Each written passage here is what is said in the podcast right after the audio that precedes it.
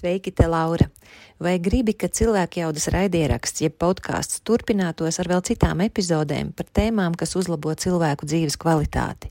Ja jā, tad lūdzu palīdzi mums atrast cilvēku jaudas auditorijai piemērotus reklāmdevējus, kuri saprota, cik vērtīga būtu viņu sadarbība ar cilvēku jaudu. Mums tā būtu iespēja sekt regulāras izmaksas, kas saistītas ar jaunu epizožu veidošanu un nodrošināšanu cilvēkiem, lai visiem bez maksas ir pieejama noderīga informācija, kas uzlabo dzīves kvalitāti un palīdz ieraudzīt jaunas iespējas un risinājumus. Ja gadījumā tu esi no reklāmas aģentūras vai tam līdzīga uzņēmuma, tad varbūt tu vari mums palīdzēt ar ieteikumiem un idejām, kā mēs varam sastapt īstos uzņēmumus, kuri būtu priecīgi par sadarbību ar cilvēku jaudu. Mēs meklējam risinājumu, kurā visi iesaistītie ir ieguvēji. Kad apkārtējie jūtas labāk, tad dzīvojam veselīgākā un atbildīgākā sabiedrībā, un jo kvalitatīvāka tad ir cilvēku dzīve. Ja tev ir praktiski risinājumi par to, ko tikko izstāstīju, mēs priecāsimies par tavu ziņu uz info at cilvēkjauda.lv ar informāciju, kā vari mums palīdzēt turpināt šo darbu par to, ko tikko lūdzu. Cilvēki nesaprot, kāpēc man savos 25, 30, 40 gados, kāpēc man pēkšņi braucot trolēļbusā sākās panikas laika. Kāpēc man pēkšņi visu laiku sāp galva? Kāpēc man kaut kāda mistiska izsituma? Kāpēc man kaut kāda sirds pārsitiena? Kāpēc man vēl kaut kas ir? Gadījumā, ejot no bērnības, jau konkrēts izjūtas apspiežot, nedrīkst teikt, nebūs smuki, tev atraidīs un vēl kaut ko, bet to viņām saskaries. Tas izraisa konkrētas fizioloģiskas izmaiņas, tās izmaiņas rodas kā reakcija uz to, kur tu esi, un vēlams gaida reakciju kaut kādu. Ko tu ar šo darīsi? Tagad, ja tu neko ar šo nedari, bet reakcija ir katalizēta jau, jautājums, kur no orgānu sistēmām mums ir mazliet vājāk, kur izpaudīsies vairāk simptomus.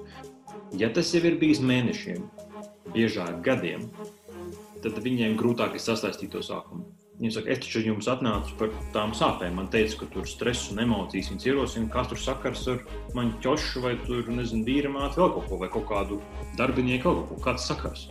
Nu, jā, man tieši pirmdienās, otrdienās, tieši pirms vadības sapulcēm sāp galva. Nu, un nu, tur nav saistība ar skābekļa vadības sapulces telpu. Tajā gadījumā tur ir saistība ar to, ko tu tur tajā brīdī jūti. Bet tur ir tas uh, milzīgais diskonekts ar tām izjūtām viņiem no sevis tajā brīdī, kurš, um, diemžēl, liedz viņiem saskatīt, kas šeit ir saistīts. Un tas beigās noved pie tā, ka viņi jau nevar to reālo iemeslu atrisināt. Gribēt, vēlēties savā galvā. Jūs varat visu.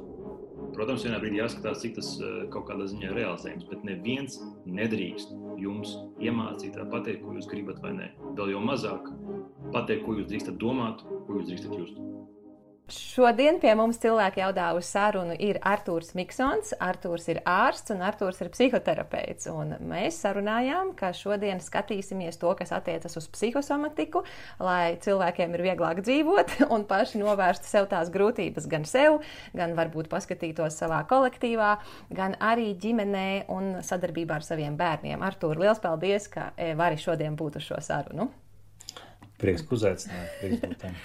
Paldies tev. Vai tu, Artur, vari pastāstīt vairāk par sevi, tieši par savu nodarbošanos? Jo nu, tas, ko es zinu, ka tu esi ārsts un tu esi psihoterapeits, bet varbūt ir vēl kādas mm. būtiskas lietas, kas ir jāpiebilst šeit. Es kaut kad nesen pēdējās lekcijās, tikai kuras esmu bijis vai semināros, tādu kā mini vizītkarti beidzot sevis izveidojis. Jo iepriekš, kad es biju no lekcijas uz lekciju, es pamanīju, ka kaut kā tas mans um, prezentējamais materiāls par sevi kaut kā baigi fluktūē un mainās. Un tad beigās es kaut kā noreducēju viņus to, ka ir šis, te, ko tu jau pieminēji, ārsts psihoterapeits, kas ir lielākā daļa man laika. Uh, nedēļā tas darbs ar pacientiem. Kliniskais darbs, uh, otrs, kas tagad ir mazliet mazāk ar visu covid un arī citādāk apsvērumu dēļ, ir darbs ar studentiem, kas ir uh, viņu apmācība nodarbībās, semināros, lekcijās un arī zinātnisko darbu vadīšana studentiem, kur jāatbalsta Um, jāsaka, tiešām ļoti lepojos gan šajā gadā, gan iepriekšējā saviem studentiem, kuri godākots vietas dabūjuši konferencēs. Uh, un trešā nozara ir līdzīga kā šodien šeit ar tevi. Uh, tās ir dažna, dažādas um, intervijas, uh, kaut kādi podkāsti, lekcijas um, organizācijām, korporācijām, kādiem uzņēmumiem par un ap psihisko veselību, psihosomatiku. Uh, kā mēs ar tevi mazliet pirms tam runājām par to, vai nu tas attiecas uz kaut kādu jau aktuālu jautājumu sabiedrībā. Tas ir, šodien tas ir aktuālākais teiksim, par covid, un krīzi un trauksmu un tā tālāk. Un reizēm tas ir kaut kāds jautājums, kas ir aktuāls viņiem. Tieši tas, teiksim, re, ka mums ir kaut kāda problēma ar darbiniekiem, mums ir nesaskaņa starp darbiniekiem un vadītājiem. Mēs nesaprotam, kāpēc mums ir darbs ar klientiem neiet. Um, kas, protams, no vienas puses, no tīri sociālās organizēšanas nav mans lauciņš. Uh, viņi tur zina daudz labāk instrumentus, kā ar klientiem strādāt un tā tālāk. Tas, ko cenšos viņiem palīdzēt, ir izprast, kāpēc tas klients teiksim, kaut kādā brīdī ir daudz vairāk agresīvāks, kāpēc viņš kaut kādā brīdī ir distancētāks, kāpēc viņš kaut kā uz kaut ko neatbild vai atbild ļoti intensīvi kaut kādā brīdī, un kā uz to varētu reaģēt uh, viņi. Un tad mēs mēģinām kaut kā atrast kopsaucēju, kā vislabāk viņiem palīdzēt. Ļoti vajadzīgs darbs šobrīd. Man šķiet, ka daudziem uzņēmumiem tas pamatīgi atvieglo galvas sāpju situāciju, ka viņi redz, ko tad var reāli darīt. Uh, jā, pie nosacījuma, ja tas uzņēmums, uh, tur ir līdzība ar psihoterapiju, starp citu diezgan liela, kad, ja tas uzņēmums ir gatavs atzīt, kur viņiem ir problēma. Ehm, ja viņi kaut kā grib paskatīties, reko problēma šajā reģionā, bet tas, kas reko notiek šeit, par to mēs nerunāsim, tad ļoti bieži īsti palīdzēt es nevaru. Es varētu mēģināt izspiest kaut ko tajā brīdī, kaut kādu palīdzību, bet tas nav īsti produktīvi. Un es šobrīd vairs tādās situācijās nu, neiesaistos. Vairāk tur es godīgi atklāti pasaku, ka es varu jums palīdzēt tikai tad, ja mēs atklāti par problēmu runājam. Jā. Un tur varbūt ir kaut kādas līdzības tajā, kā cilvēki strādā pie tevis, nu, psihoterapijā, tie, kas nāk ar sevi meklēt mm. risinājumus, un kā ir ar uzņēmumiem, ka gan vieni, gan otri kaut ko negrib par sevi atklāt, bet grib, lai uh, cilvēks kā tu, profesionālis, viņiem palīdzi. Tad kā tev, Jā. ja, es, ja es drīkstu jautāt, tad Kā tev šķiet tieši attiecībā uz uzņēmumiem, kas ir viņu lielākie klupšanas akmeņi, ko viņi paši negrib sev atzīt? Nemaz nerunājot par to, ka tev, bet paši sev mhm. un tā sev iegāž. Um, es teiktu, viens no tādiem, tas nav uz visiem uzņēmumiem, tas ne, es nevaru to vispārināt, bet diezgan daudziem tas arvien vairāk šobrīd iezīmējās, kas ir daudz arī pacientam, ja tu velc šo paralēli, uh, jautājums par robežām. Mhm. Par robežām tas ir respektīvi, vai ir skaidri definēts, ko es no jums sagaidu kā darbiniekiem. Nevis, o, šis ir pašsaprotami, o, šis jau visiem jāzina, bet ko tieši.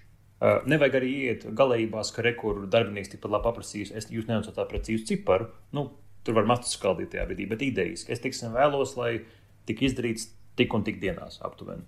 Vai lai teiksim, projekts būtu tāds un tādā apmēra, vai lai tiktu klientiem komunicēts šādi un šādi.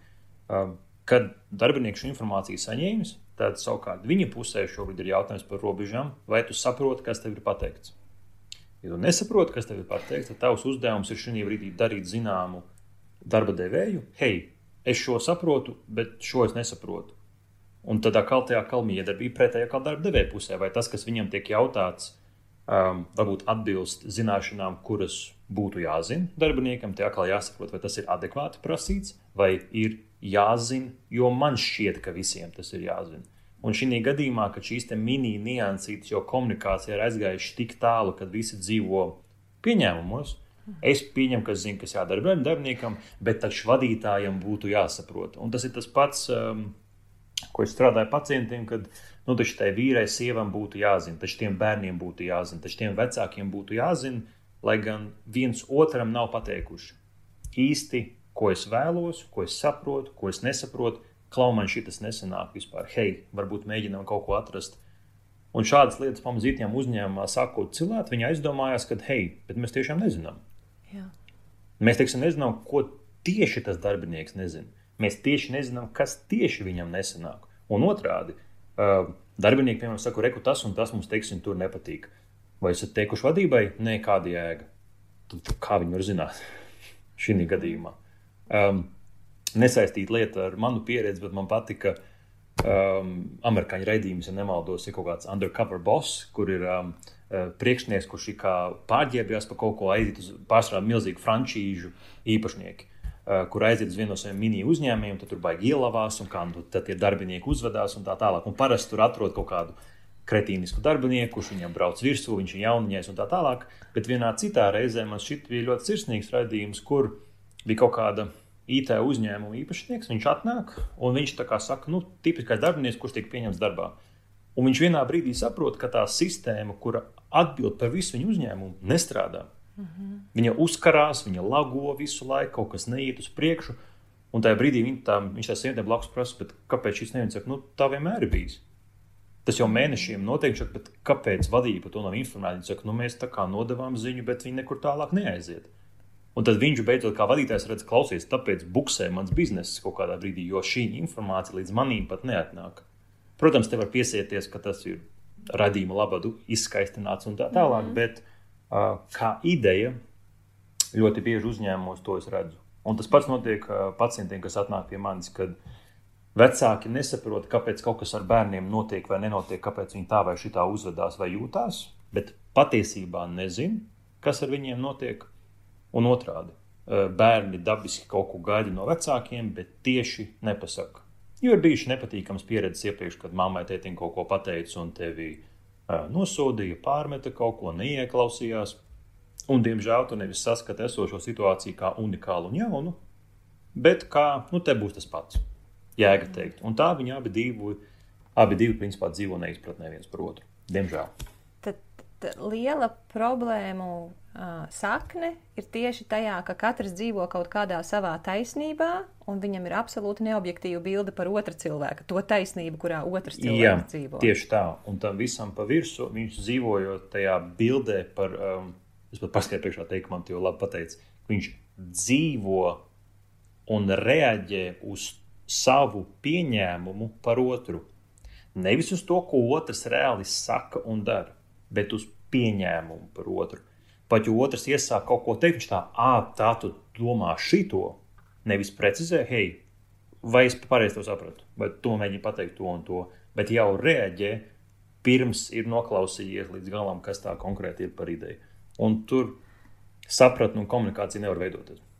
Artur, tas, ko tu tagad saki, man vienkārši provocē domāt uzreiz, no, no. ka mūsu sanāk liela problēma ir tāda, ka mēs esam iedomājušies, ka mēs lasām citu cilvēku domas, un mēs pārmetam citiem cilvēkiem, ka viņiem neizdodas nolasīt mūsu domas. Turklāt mēs tās citu domas, mēs jau viņas nelasām. Kā tu teici, mēs dzīvojam pieņēmumos. Un tad mēs Jā. apvainojamies, apvainojamies vai dusmojamies par to, ko mēs esam pieņēmuši, ka viņi attiecībā uz mums domā, dara vai nedara un nedomā. Un vienlaicīgi tā augstākā pilotāža. Jā. Jā, un, un otra lieta sanāk, mēs esam nikni, ka viņi savukārt sliņķi tādi neņem vērā mūsu vajadzības, par ko mēs neesam pateikuši, jo tas taču ir jāzina viņiem. Vai es pareizi saprotu? Jā, tieši tā. Tur vēl papildus varētu pieminēt, klāt tas, ko tu tagad saki. Es reizēm tādu kā stereotipu parasti stāstu, ka biežāk tas notiek sievietēm. Specifiskā veidā, ka teiksim, viņa kaut ko apvainojās uz to, ko Viņa kaut kā ir sajutusies attiecībās ar vīru. Kaut ko, ko viņš ir izdarījis, nav izdarījis vienalga. Kaut kā ir sajutusies. Būtu vērtīgi tagad pateikt, kā tu sajūties, ko tu domā ko tas nozīmē. Dabiski, kad rodas aizvainojums, ir normāli, ka viņš rodās. Bet viņš netiek nokomunicēts par ko tieši.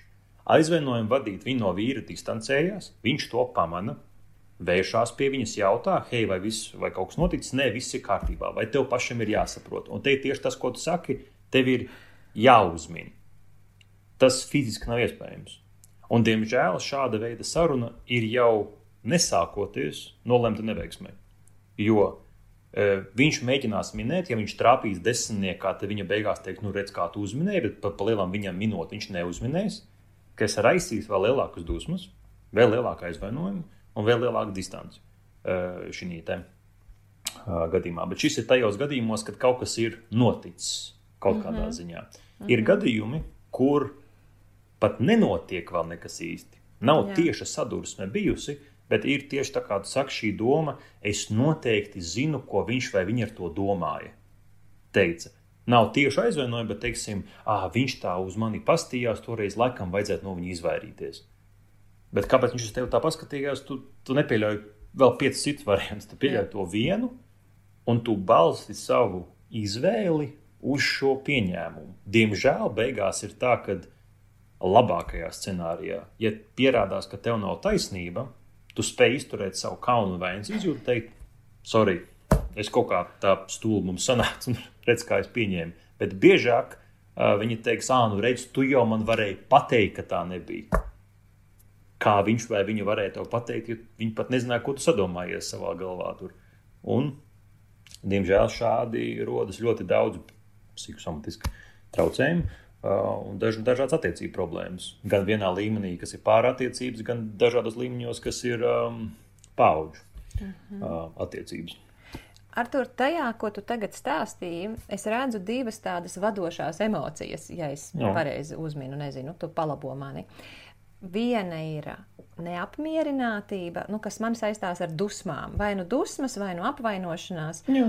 Un otra ir bailes. Bailes prasīt, tāpēc man ir vieglāk gaidīt, ka tev taču ir jāzina, jo es taču neiešu prasīt. Jo reāli apakšā ir bailes. Tā kā tu teici, tur, uh, kad padoties, saka, nu kāda jēga tur teikt uz augšu. Nu, man ir bail, ka mani noraidīs, vai man ir bail, ka es mhm. veltīgi iztērēšu savu enerģiju, tad nu nafig man to darīt. Mm -hmm.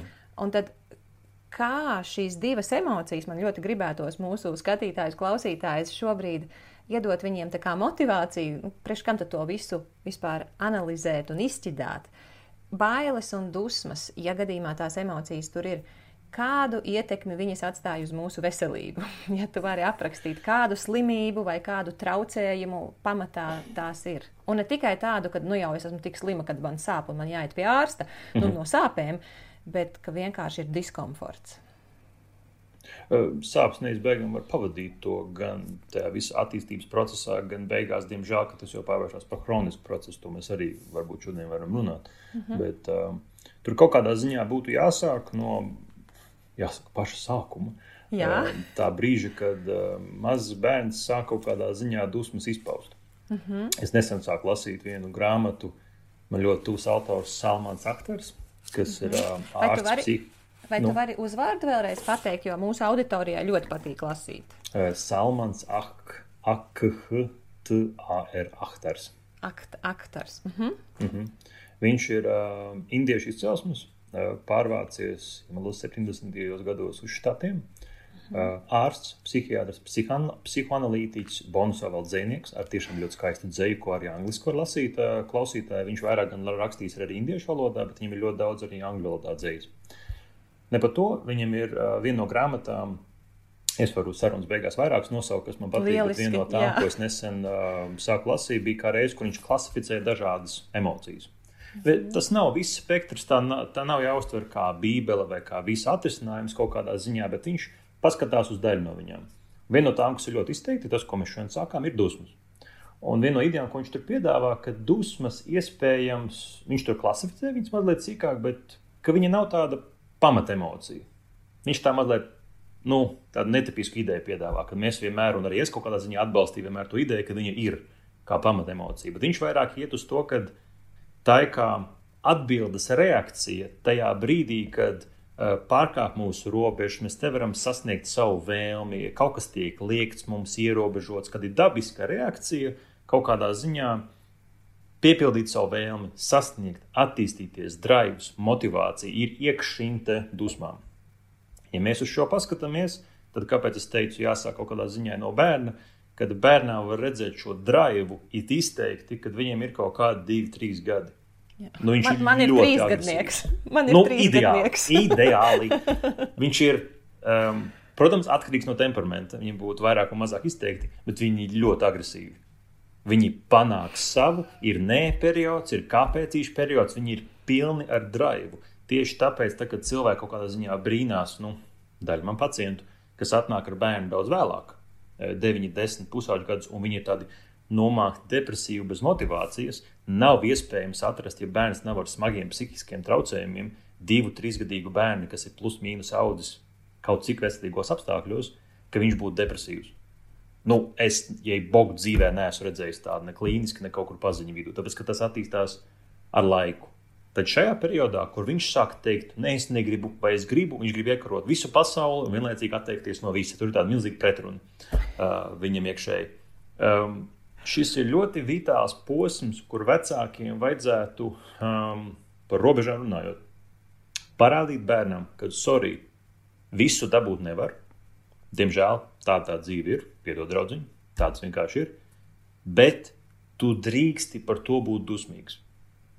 Tu vari būt, ne, tev var besīt mamma, tev var besīt teikt, tev var besīt, kad mēs tur nebrauksim, tev var besīt ome, tev var besīt, ka tev nesanāk mašīnīt salikt, ka tev nesanāk LEGO sabiedrīt, ka tev besīt, ka, kāpēc spilvens nevar būt mīkstāks, kāpēc viņš nevar būt cietāks. Viņš neizprot vēl, kā pasaule strādā. Un viņš ir dusmīgs par to, kāpēc ir tik milzīga netaisnība, tik vienkāršās elementārās lietās. Un, ja viņam ļautu tajā brīdī izdusmoties, tas tā nav vienādības zīme rādīties. Ja viņš, teiksim, sāk vienkārši kaut ko darbojas ar mantu, vienkārši viņu nomet zemē, tas vēl nav nekas traks. Bet, ja viņš šobrīd dusmās no šīs vilšanās, šī brīdī iet un pēkšņi grib apgāzt mēbeli, tad, ej, ej, ej, paga, es redzu, ka tu esi dusmīgs, bet, hei, ne šādā veidā to darīsim. Pamēģinam darīt šādi, lai tu tiktu galā tām dusmām. Viņš šādā veidā tiek gatavots dzīvē pamazītiņām, ko darīt, tad viņš dzīvē saskarsies ar citām dusmām. Tad viņam būs 6 gadi, viņam būs 15 gadi, viņam būs 30 gadi. Ko tad viņš tāpat saskarsies ar dzīves netaisnībām? Būs kaut kas attiecībās, darbā, veikalā, pie kases, vienalga. Un šajos brīžos viņš spēs, numur viens, tīri bioloģiski, tik, spēt tolerēt šo emociju, kas viņu ir pārņēmusi, un numur divi, tikt ar viņu galā. Kaut ko viņu darīt. Un šeit, diemžēl, daudz vecāki izdara tādu lāču pakalpojumu saviem bērniem, ka viņi pasaka, nedusmojies, nevajag, tas ir nepareizi, tu esi neglīts, neglīta, tevi neviens negribēs, nemīlēs, un tā tālāk. Šie nav izdomāti teikumi, tos reāli dzirdējis vai nu veikalā, vai, diemžēl, pacienti man viņus ir stāstījuši. Ja viņiem šis tiek iemācīts, tad um, tam bonusā nāk bailes. Un šeit ir svarīgs aspekts, vai pie tā, kad viņš um, te kaut kādā ziņā tika nodalīts arī divas lietas. Ja runā par zaudējumu, kas nāk klāt ļoti bieži bailēm, vai pie tā, ka viņš kļūst dusmīgāks, viņš tiek biedēts ar sodu, fiziskai vai emocionālā rakstura sodu, vienalga, vai viņš tiek, nu, ka viņ, viņam nodarīs kaut ko atņems un tā tālāk. Vai, un šī gadījumā viņš baidās no tā, ka būs sāpes. Uh -huh. Piemēram, mani tur nopērs, mani sarās, uzklieks un tā tālāk. Mhm. Vai, kas daudz biežāk notiek, diemžēl, kad um, bērns tiek biedēts, ka viņš zaudēs mammu vai tēti. Jā, ja tu tāds projām. būsi, es, es iešu prom. prom. Ja tu šāds būsi, mēs tevi atstāsim. Ja tu šāds mm -hmm. būsi, tevi neviens negribēs. Tā tad ir bail zaudēt mīlestību. Ir bail zaudēt sev tuvu cilvēku. Reizēm šie abi kombinējās. Un, diemžēl, šī pieredze noslāņojās. Viņa kļūst pilnībā neapzināta, jo ilgāk un biežāk viņa ir notikusi. Tālāk kaut kur dzīvē tu tāpat saskarsies, kur tev būs jāizpauž savu neapmierinātību. Bet, diemžēl, tavs fails iestrādājies galvā ir, ka, ja tu to darīsi, sekos sots, ļoti sāpīgs, vai šī gadījumā tu kādu zaudēsi. Jā. Un, diemžēl, šobrīd saskaroties ar šo realitāti, kāpēc es šo piemēru specifiski minu? Ja mēs ņemam to pašu piemēru, kur, teiksim, vienalga, es saku, stereotipiski biežāk ir kā sieviete, bet tikpat labi čalis var būt. Uh mhm. -huh. Ka uh, ir dusmīgs par kaut ko attiecībās, bet nesaka. Un šeit ļoti bieži cilvēki saka, ka viņiem uh, varbūt nonāk līdz atziņai, bail, kā otrs reaģēs. Jā, tur var būt arī taisnības, ka ir pilnīgi um, ne, neracionāla, neloģiska doma, man nodarīs pāri. Uh mhm. -huh. Vai mani atstās? A, ko es darīšu tad? Es būšu viens pats. Līdz ar to Um, tu tajā brīdī priekš sevis, ne tu sauc par racionalizāciju vai attaisnojumu, tu sāc teikt, nē, es to nedaru, jo redz A, B, C, D uh -huh. iemesli kaut kādu. Bet īstenībā tur būs divu lietu kombinācija. Numur viens, es baidos, kā viņš viņa reaģēs, bet otrs, kas ir daudz dziļāk, tev ir bail no sevis paša dusmām, kuras radīsies. Jo tad, kad tu biji maziņš, Viņas iespējams tiešām radīja to, ka tu nezini, iekliedzies un māma aizgāja. Tu iekliedzies un teici, nopēri. Tu iekliedzies un māma nopēri. Tu iekliedzies un tev nolika kaktā un aizgāja projām. Un, diemžēl šī pieredze tev paliek ar tevi. Un līdz ar to tur ir automātiskā fantāzija numur viens. Ja es sākšu kaut ko teikt, man atstās, vai otrs, kad es pat netikšu ar to galā, es pēkšņi kļūšu nezinu, histērisks, šausmīgs, traģisks un vēl kaut kāds šī gadījumā. Un es teiktu, parasti lekcijā saku, ka um, šis ir labākais scenārijs. Kad cilvēki emocionāli sabīstās. Sarežģītākais scenārijs ir tas, ko tu šodien sāki ar psihosomatiku. Un šajos gadījumos, diemžēl, gadiem ejot no bērnības, jau konkrēts izjūtas apspiežot, nedrīkst teikt, nebūs smuki, tev atraidīs un vēl kaut ko, bet to viņām saskaries. Emocijas ir bioloģija, kuras vienmēr saka, vizualizēties, tas nav mākonīts uz galvas. Šī gadījumā tas izraisa konkrētas fizioloģiskas izmaiņas, tā situācija, kurā tu esi. Tās izmaiņas rodas kā reakcija uz to, kur tu esi, un vēlams gaida reakciju kaut kādu. Ko tu ar šo darīsi tagad? Ja tu neko ar šo nedari, bet reakcija ir katalizēta jau, tad jautājums, kur no orgānu sistēmām mums ir mazliet vājāk, kur izpaudīsies vairāk simptomus. Un tāpēc cilvēki nesaprot, kāpēc man savos 25, 30, 40 gados viss taču ir kārtībā psio vīrs, tā kā ir bērni arī tur. Kāpēc man pēkšņi braucot trolēļbusā sākās panikas lēkme? Kāpēc man pēkšņi visu laiku sāp galva? Kāpēc man kaut kāda mistiska izsituma ir? Kāpēc man kaut kāda sirds pārsitiena ir? Kāpēc man vēl kaut kas ir? Nav intereses loģis... par dzīvi. Kādu? Ja nav intereses par dzīvi, tas ir tas, Jā, kas arī bieži dzird. Tikpat labi. Arī. Tas ir vairāk tāds emocionālais aspekts, bet te ar to psihosomatiku kopā. Mm -hmm. Un, ja sāk pīties par un ap to simptomu un to vietu, tad ļoti bieži var nonākt, ka viņi kā neko loģisku paši nesasaista. Bet tagad sīkāk sāk jautāt, tad tur vienkārši pavarās plējāda ar informāciju vaļā. Pēkšņi tur māma, tēti, somi, brālis, māsa, vīrs, jau pēkšņi tik daudz elementu parādās spēlētāji. Un tas ir klasiskais jautājums, ko cilvēki, kas atnāk piemēram ar panikas lēkmēm, kad cik bieži viņi spēj nospraust robežu. Jā. Vai kad viņi pēdējo reizi ir apraudājušies, vai kad viņi pēdējo reizi bijuši cilvēku tūmā, kurš viņus uzklausa, pieņem vai kaut kā emocionāli reaģē uz viņiem. Artur, tu esi bīstams sarunā, jo no tā viena, ko tu pasaki, man ir desmit jautājumu uzreiz. Nu, uzdod piecus. es tagad pat nezinu, ar kuru lai sāk. Ok, viena lieta, ko es esmu daudz dzirdējis no cilvēkiem, ir, uh, es nespēju paraudāt. Es pat zinu, ka man vajadzētu, bet es nespēju. Nu, tad ko tagad šaustīt sevi, vai skatīties bēdīgas filmas, vai kā? Um, šaustīt sevi noteikti ne. Um, vai speciāli spiest sevi? Uh, ar filmu var arī nepanākt īstu to. Mm -hmm. Ar kaut kādu mūziku var mēģināt, varbūt arī nē. Um, jautājums, kas ir tas, par ko liekas, ka man vajadzētu raudāt? Nu, cilvēks, um, es tev stāstīšu no situācijām, kad cilvēki to saka, ja, ko es okay, dzirdējusi. Labi. Tātad cilvēkam ir grūti, viņam ir nu, liels stress, viņš redz, ka viņš netiek galā.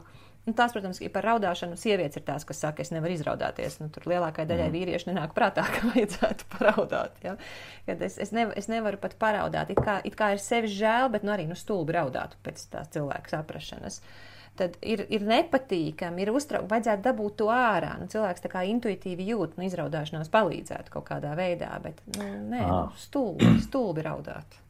Uh, te man jāpagriež saruna citādāk, ir, ka uh, varētu būt, ka šajos brīžos tiešām raudāšana ir tā, kas palīdz, iespējams. Mm -hmm. Bet te ir jautājums, vai tiešām ir kaut kas tāds, kas sāp, ir zaudēts, ir skumji, ir sērs. Jautājums, kāpēc būtu jāraud? Jo kā reizes Pretējā situācija, ko ļoti bieži novēroju, ir pretēji tā, ko tu stāsti. Kad sievietes, teiksim, ļoti bieži tās situācijas, kur reku vīrietis kaut ko izdarīja, man bija sāpīgi. Mm -hmm. Viņa pēkšņi apraudājās. Un es, un es vienā brīdī saprotu, ka nu, jei, pauk, tur nav nekā sāpīga. Ar lielāku varbūtību tas, ar ko viņa saskārusies, ir, ir milzīgs dusmas šobrīd. Pašai savas. Bet, diemžēl, šeit ļoti bieži notiek tas pats, ko mēs runājam no bērnības gaitām situācijās, kad tu pēkšņi sajūti kaut kādu spēcīgu izjūtu, arī puišiem tas tā var būt, bet, diemžēl, no puišiem ļoti ātri to vai nu izsit ārā vai izskolo. Meitenēm ir pieņemtā, ka viņas raud. Mazi bērni, jo pēkšņi kaut kas viņi ir, jebkurā izjūtā, kur viņi ir, viņi pēkšņi sāks raudāt. Sākot raudāt, nevienmēr nozīmē, ka cilvēks ir skumjš. Viņš var raudāt arī aiz bezpalīdzīgām dusmām, tādām jā, arī aiz, viņš tikpat labi aiz, nezinu, pilnīgi laimes var raudāt. Jā. Ne, dažādas situācijas. Un līdz ar to šajā situācijā, kad tu stāsti, kad ir grūti, sarežģīti un gribas paraudāt, varbūt arī līdz tam ir jānonāk. Varbūt. Bet drīzāk man būtu jautājums, iespējams, to gribas izkliegties.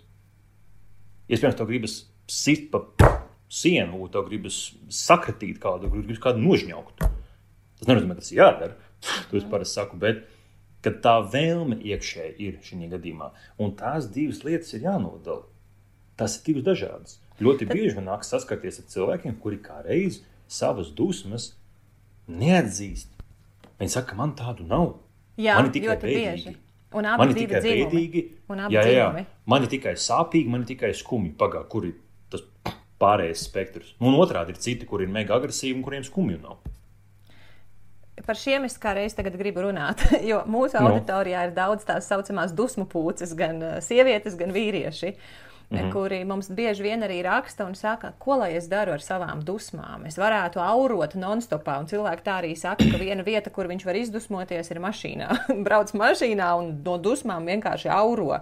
Ja iet kaut ko klapēt, vai boksa maisu, vai spilvenu, vienalga ko. Tad kas mm. ir veselīgas dusmas, un kas ir kādas bīstamas dusmas vai destruktīvas dusmas? Nu, veselīgas dusmas, jebkurā gadījumā, būtu numur viens, kur tu spēj saglabāt savu robežu. Respektīvi, ja kāds tev um, apzināti vai neapzināti dara pāri, sāpina, um, bet no objektīvi uh, dara pāri, vai emocionāli, vai fiziski, vienalga pārkāp robežu, tad ir normāli, ka to dusmu spēj pateikt, stop, nē, es šo nevēlos kaut kādā ziņā pieņemt. Tas ir numur viens. Um, tas ir pēc būtības svarīgākais. Numur divi, kur, kā jau es pieminēju, dusmas kaut kādā ziņā palīdz mums būt draiva pilnākiem un sasniegt to, ko mēs gribam. Tas palīdz pie konkurences, starp citu, pie greizsirdības jūtām, pie skaudības jūtām arī ļoti lielā mērā palīdz dusmas sasniegt to, ko es gribu. Tas sāk kļūt jau destruktīvi, tad, kad um, es teiktu, numur viens, tas sāk kļūt pasīvi-agresīvi. To mums Latvijā pas, netrūkst. paskaidro, lūdzu, kas ir pasīva agresīva tie, kā, kādas ir pasīva agresīvās dusmu izpausmes? Vai apvainošanās būtu pasīva agresīvi? Arī, eh, bet drīzāk pasīva agresija būtu tāda, ka. Mm, Ieju, inter, ieju internetā un apvainoju kādu tur. Nē, nē, nē, tā ir, tā ir mazliet citādāk. Tā ir diezgan tieša, kur viņi arī atzīst, ka viņi ir agresīvi. Pasīvi agresīvs cilvēks uzvedās agresīvi. Uh -huh. Tas tā nešķiet sākumā, uh -huh. bet viņi to noliedz.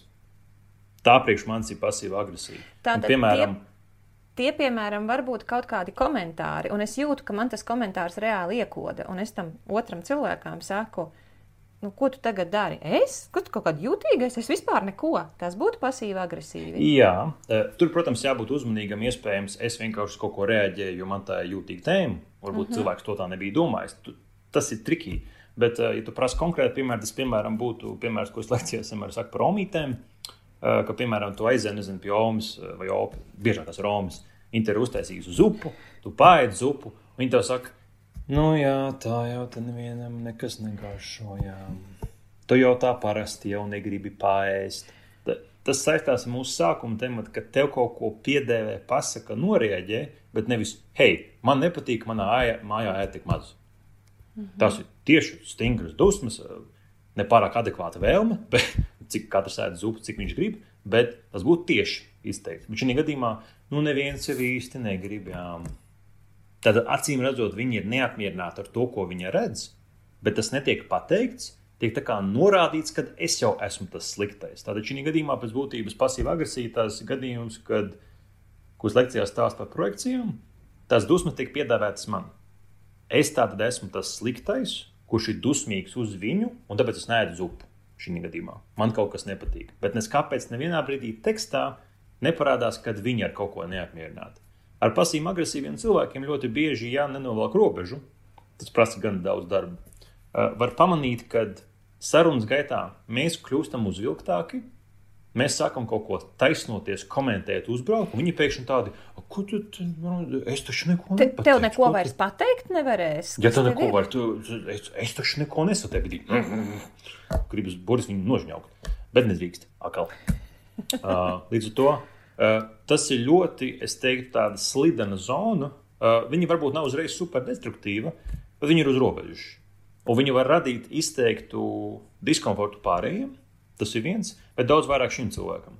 Kāpēc? Jo ļoti bieži viņi paši nejūt, cik agresīvi viņi patiesībā ir. Diemžēl pasīvi, bet uh, tas dīvainākais jau ir tas, ka viņi paši uh, neredz, kā šī pasīva agresija attālina cilvēkus no viņiem. Jā, viņi ir tie, Pasīva kas- agresija ir ļoti raksturīgi depresīviem cilvēkiem. Un tad viņi brīnās, ka pie viņiem nebrauc ciemos, ka viņiem Jā. nezvana, ka viņus Jā. neaicina uz pasākumiem, ka viņus Jā. neiesaista projektos, ka bez viņiem aiziet pusdienās kolēģi vai tā? Jā, tieši tā. Lai gan sākuma uzvedībā nekas it kā par to baigi neliecina. Un tad ir pēkšņi kaut kādi komentāri, piezīmes, tekstiņi mazi kaut kādi, un citi cilvēki, kuri spēj varbūt tā kā palikt to malā, bet, nu, jā, nu, tur Jānis vienmēr tāds ir labi. Bet forši čels, tāpat forši pavadīt viņa laiku. Citi, kas ļoti reaģēs, to būs tāds, nu, priekš kā mums ir Jānis pavadīt laiku, viņš laiku kaut ko brauc augumā. Un viņam uz to norādot, viņš jau nemainās īsti.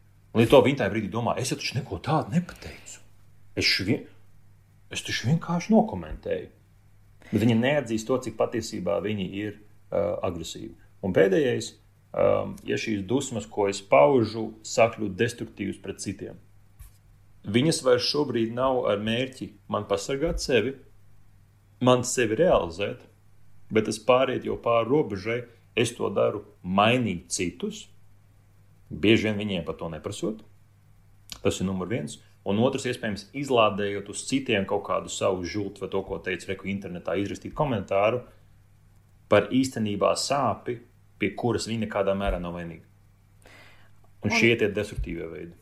Un ko tas nodara, piemēram, ģimenē vai darba kolektīvā, ja ir tāds cilvēks, un viņš ir ļoti vajadzīgs? Nu, teiksim, es nezinu, tur uh, mammu vai tēti, kuri tādi ir, nu, neviens jau no ģimenes īsti nemetīs ārā.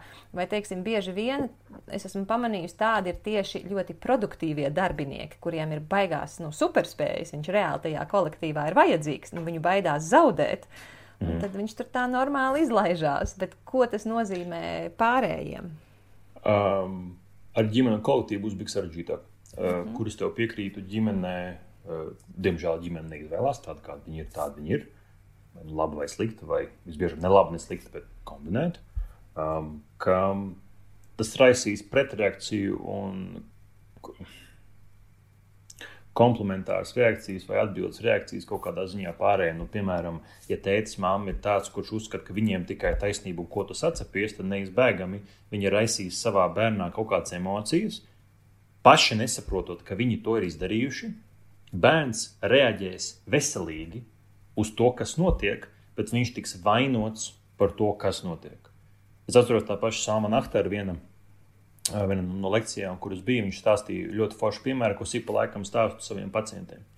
Uh, un viens no piemēriem bija, kur viņš stāstīja, es neatceros, vai tas bija izdomāts stāsts vai tuvu realitātei. Bet ideja, respektīvi, kad ir milzīgs um, pusdiengalds, ļoti graznā mājā, kur sēž mamma, divas meitas, dēls un tiek gaidīts tēvs.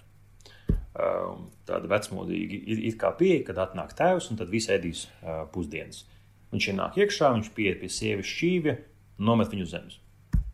Viņš pieiet pie meitas šķīvja, paņem viņu, aizlidina pret sienu.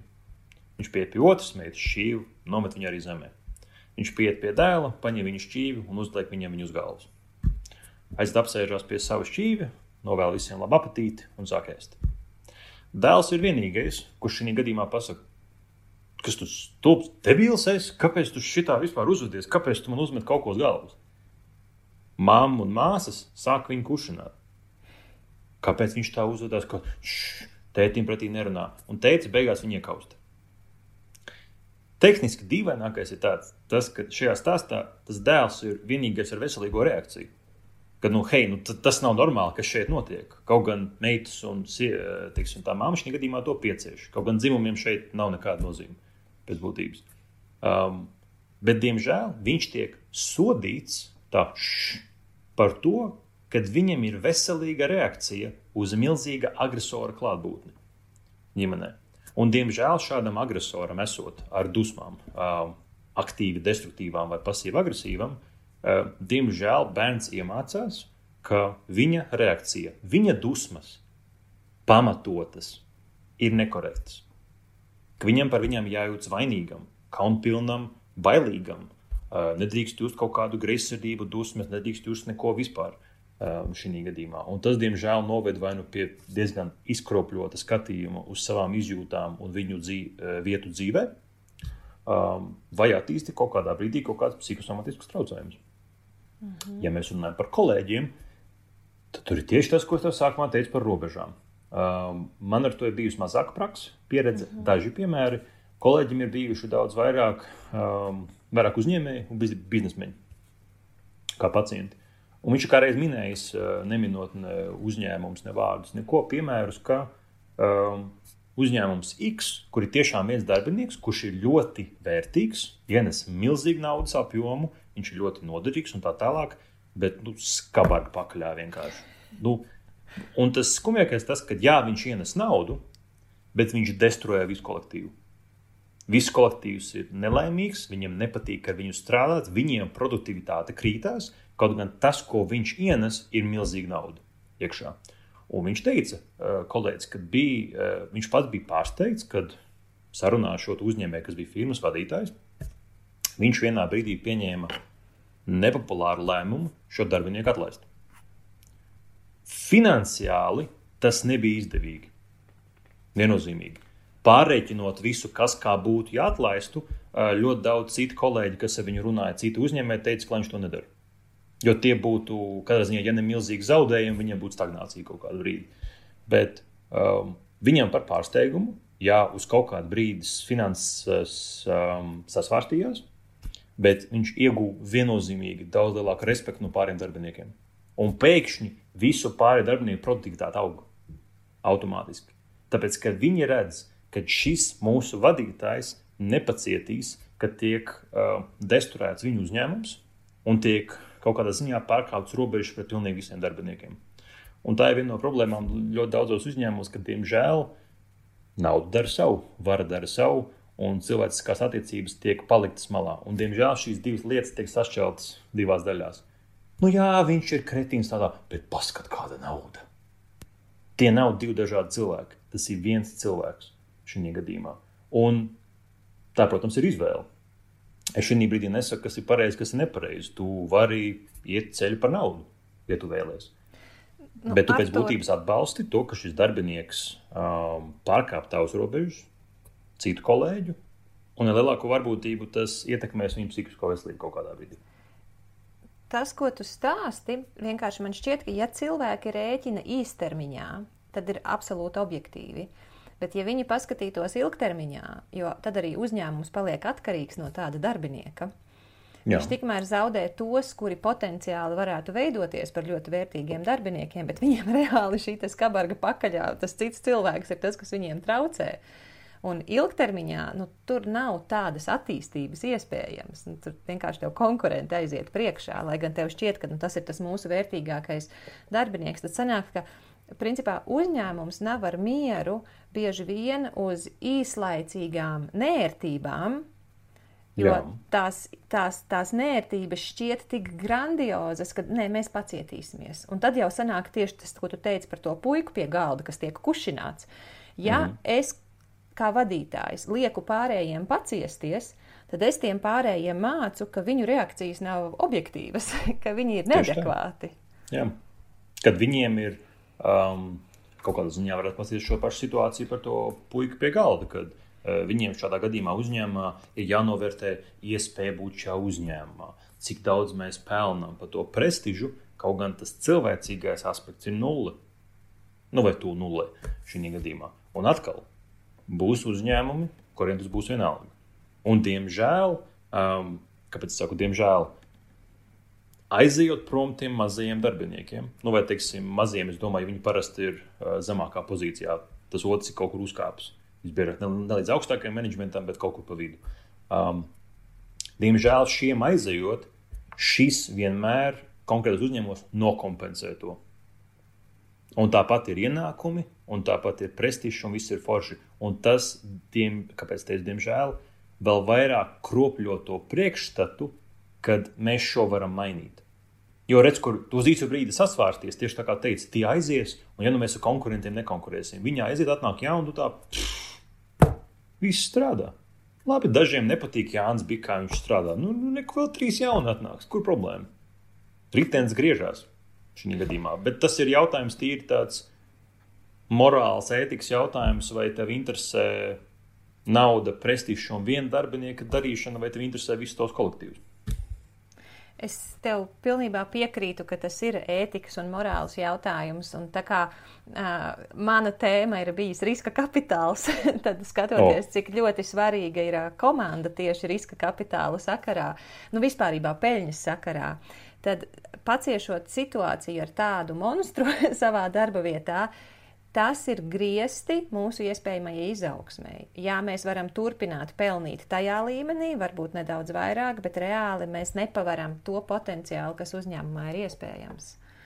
Jo nu, viens Jā, cilvēks šeit, nevar citu, tik daudz sasniegt. Mm -hmm. Tikko atceros, uh, man bija viens līdzīgs pacients, gan pašam samalojos. Man bija šāds ar uzņēmumu, un tur mēs nonācām līdz vienai vērtīgai atziņai, kā mēs varam šodienas tēmu superīgi sasaistīt kopā. Kad um, tikko atceros, saslēdzās visu kopā. Man kad um, viņam ir uzņēmums, arī viens vai divi šādi darbinieki, kas tādi mm, īsti neiet kopā. Un, uh, it kā viss iet tālāk, viss attīstās un tīri. Un vienā brīdī vizītē mēs nonākam līdz tam, viņš pats sāk uzdot jautājumu, ka viņš saprot, ka viņam vajadzētu viņiem stāties pretī. Viņš ir vadītājs. Viņš var darīt viņiem to, ko viņš grib. Pēc būtības. Ka viņš varētu, ja ko, bet viņš pats atzīst vizītē, es nevaru. Es, nesap, es juridiski varētu, faktuāls, varētu, emocionāli.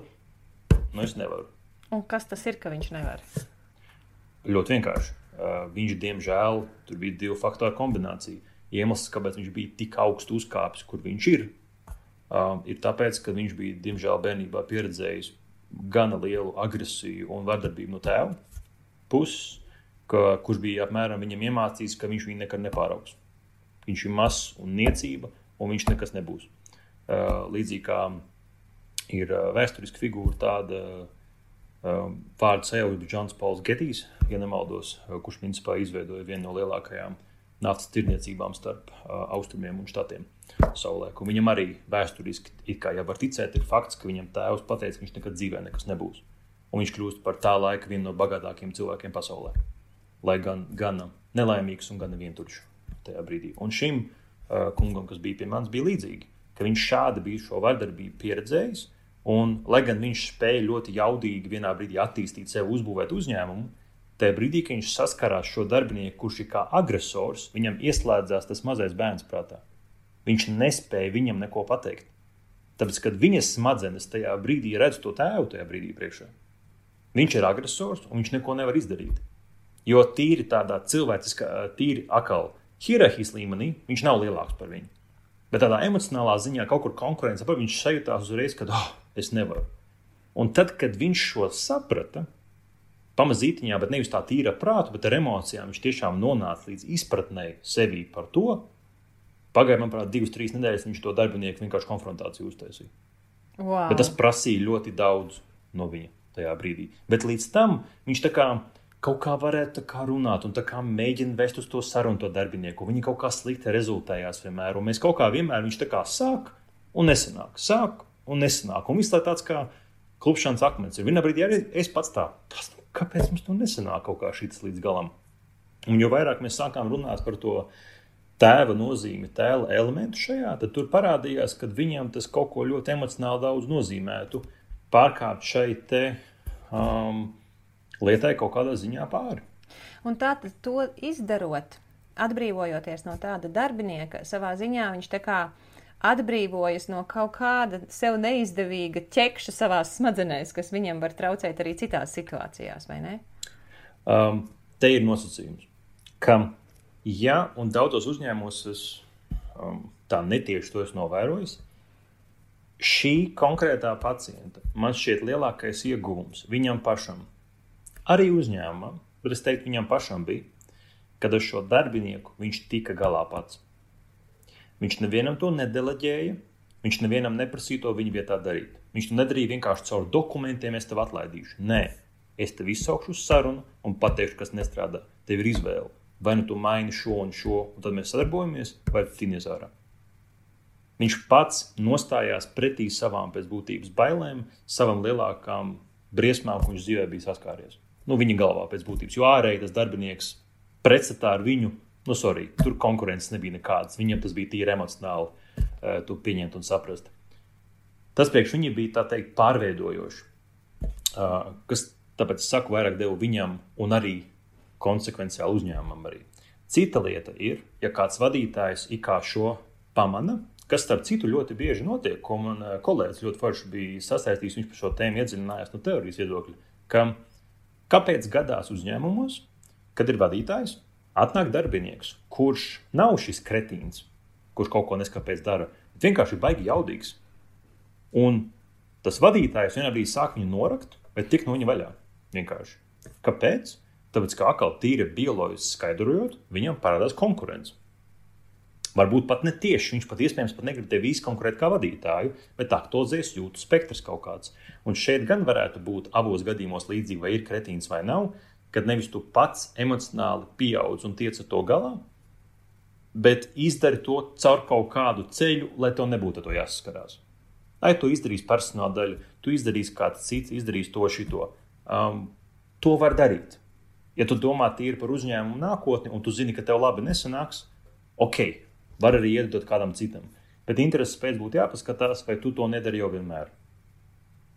Kas tu tādā pašā veidā atlaidi, nezinu, tur sekretāri, darbinieku, juristu, grāmatvedi, vēl kaut ko. Tu šādi atlaidi ļoti daudzus, pats īsti nepasakot, ko mēs sākumā runājam. Ko tu gribi, ko tu sagaidi, ko tu negribi, kā tas attīstīsies un tā tālāk. Šie cilvēki visbiežāk neko jaunu neiemācās. Diemžēl. Artur, tā epizode, ko tu pieminēji ar a, to cilvēku, kuram saskaroties ar to agresīvo darbinieku, viņš jūtas, mm -hmm. kā, nu, ka viņš nespēja rīkoties ar viņu, jo tas atsauc viņu kaut kādā pagātnes epizodē atpakaļ. Jā. Viņš pat nepamana, ka tas atsauc viņu pagātnes epizodē. Viņš vienkārši nesaprot, nu, kāpēc es ar viņu netieku galā. Man tas atgādina par uh, learned helplessness, apgūtā bezpalīdzība. Kas, jā, tas... esmu daudz, daudz ko runājis par to. Jā. jā, vai tu vari tieši pastāstīt, kā mēs paši varam sevi pieķert pie savas apgūtās bezpalīdzības, un kā mēs varam sev palīdzēt mācīties no viņas tikt ārā? Ja tu vispirms izstāstītu, kas tas ir?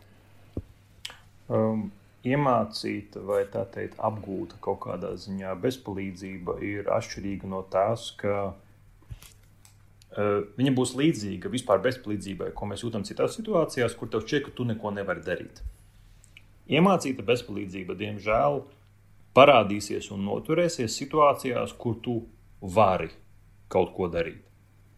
Uh, bet, diemžēl, tu tik ātri ieņem to mindsetu, ka es neko nevaru šī gadījumā darīt, ka tu pat nepieļauj citas opcijas. Tad tieši, tad tieši tā ir problēma, jo bieži vien kolēģis uz kolēģi skatās, vai, nu, teiksim, draudzene uz draudzeni, un saka, kāpēc tu tur neko nedari? Tev ir tik daudz variantu. Tieši tā. Un tas cilvēks Jā. atbild, nav, nav man variantu. Un tev uz viņu skatoties, liekas, nu, kaut kāds aptaurēts. Bet reāli tas cilvēks savā ziņā šajā situācijā ir aptaurēts, jo viņš tiešām neredz tos variantus. Jeb arī viņš neredz, ka viņš spētu izmantot tos variantus, vai es pareizi saprotu? Jā, šī gadījumā viņam ir diezgan daudz iemācīts un parādīts, viņš pat variantus nedrīkst meklēt. Tas ir ļoti bieži gadījumos, kad eh, vecāki iemācās no sērijas My Way or the Highway. Tad ir viens pareizais variants. Ja tu šādu nezini, lec ārā plogu. Viss. Citu variantu apmēram nav. Man kā reiz iepriekšējās dienās bija daži tādi pacienti, kur diezgan ilgi terapijā nāk. Viņam bija nonākt līdz atziņai, ka viņi dažādās dzīves situācijās, kur ir. Viņi tā kā gribētu būt tādi spontānāk, kreatīvāk, viņiem rastos tās domas, kā varētu no šīs ķibeles tikt ārā. Un viņi nonāk līdz tādai stūbai atziņai, ka man besīgi man viņas nerodās automātiski. Bet kāpēc? Un tad viņi pamazītiņā nonāk līdz tam, kad viņiem bija iemācīts, ka tev nedrīkst viņa rasties. Ir viens konkrēts veids, kā teiksim, braukt ar mašīnu, taisīt ēst, nezinu, saklāt gultu, kā strādāt, kā pelnīt. Ko, ko drīkst darīt. gribēt un ko nedrīkst gribēt. Tieši tā. Tieši tā. Un šī gadījumā, diemžēl, tas, kas beigās notiek, ir tas, ka tev apkauj kreativitātes esamību vispār. Tas, kā mēs pamazītiem sākam viņiem to attīstīt, ka viņi sāk viņu mācīties no jauna. Kā viņi Protams, to dara? Ir Kā to var mācīties? Um, kādreiz nesen bija uh, viena pacienta, kur stāstīja, ka uh, viņai diezgan liels kaut kādā ziņā bailes iedvež braukt, braukt ar mašīnu. Uh, bet viņa pamazīt viņām ir mēģinājusi. Viņa tagad ir gadiem, kaut kādi gadi 25, 26 apmēram. Un diezgan izteikts bailes viņai visu laiku ir. Bet viņa vienā brīdī saņēmās un terapijas gaitā arī nolika tiesības un forši un sāk pirmās reizes braukt. Um, bet jāatzīst, tās bailes saglabājās joprojām. Un tur nav nekādas ne avārijas, ne traumas, tur nav nekā fonā, nekā tāda. Tur ir vienkārši uh, pirmās reizes, kad viņi sāka braukt, mācīties, viņa mācīja māmu. Tad dzelzceļa slēdīja tādu ar pautiem, kur diezgan ātri viņai pateica, tā tu nemāki, kā tu brauc, kā tur, tur stūri, šitas, tur tāda, šitāda. Līdz pat tādai diezgan izteiktai verbālai agresijai un vardarbībai pret viņu, ka tādu paigo mīlestību pret mašīnas braukšanu nav radījusi viņai, protams, ko viņa ilgus gadus bija atlikusi. Nu, tipiski mēs pierodam, ka visi plus mīnus raujās 18, 19 gados dabūt tiesības, pirmā mašīna, tu jau braukāties kaut ko. Viņi pat netuvojās tai idejai. Nekādā veidā. Tā kā pagāja 6, 7 gadi, viņi saprata, nē, nu es tomēr gribu. Jo es gribu to brīvīgi, es gribu to tālāk, un tāds pamazām līdz tam nonācām. Un tas, kur viņi kaut kādā ziņā sabijās, kur viņai forši palīdzēja draugs, ar ko viņi kopā tagad ir Viņš teica, nu, bet pamēģinām, aizbraucam. Un viņš kā reiz uh, pagadījās foršs cilvēks pretī, kurš teica, nu, ejam, pamēģinām.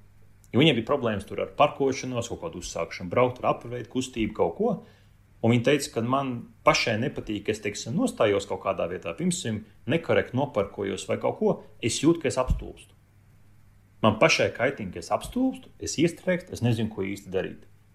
Viņa jutās mazliet drošāk, jo puisis viņai parādīja knifiņus, ko apmēram var darīt. Jau kā nostāties, kā braukt, kā manevru veikt. Tātad tev ir opcijas jau kaut kādas. Un tas nākamais, ko mēs pamazītiņā izstrādājām, kad viņa ne tikai brauca ar mašīnu, bet citur, uh, bet runāja par mašīnu, kā būtu, ja viņa aizbrauktu pati kaut kur.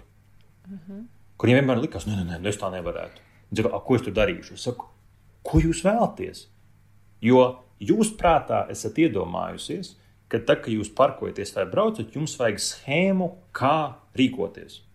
Jo tāda tika mācīta no mammas vienmēr.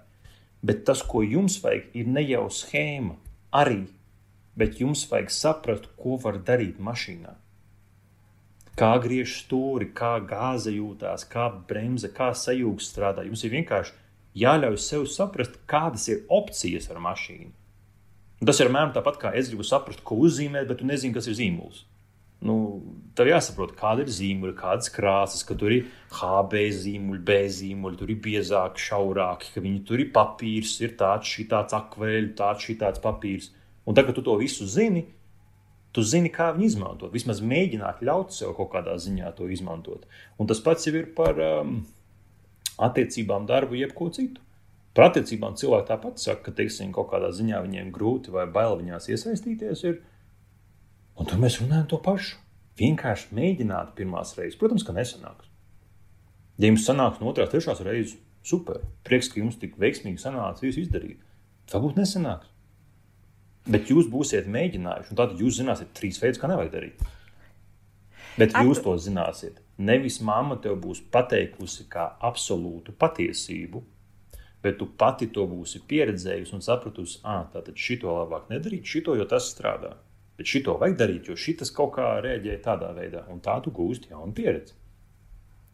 Tad tas, ko tu saki, tieši pieredzes gūšana ir tas, kas ved uz risinājumu, ja es pareizi saprotu. Jo, jo mans nākošais jautājums, tu pieminēji, ka tu tai meitenei saki, nu, brauc uz to pilsētu, un tad tu izdomās, ko tu tur gribi darīt. Viņa saka, ko tad es tur darīšu.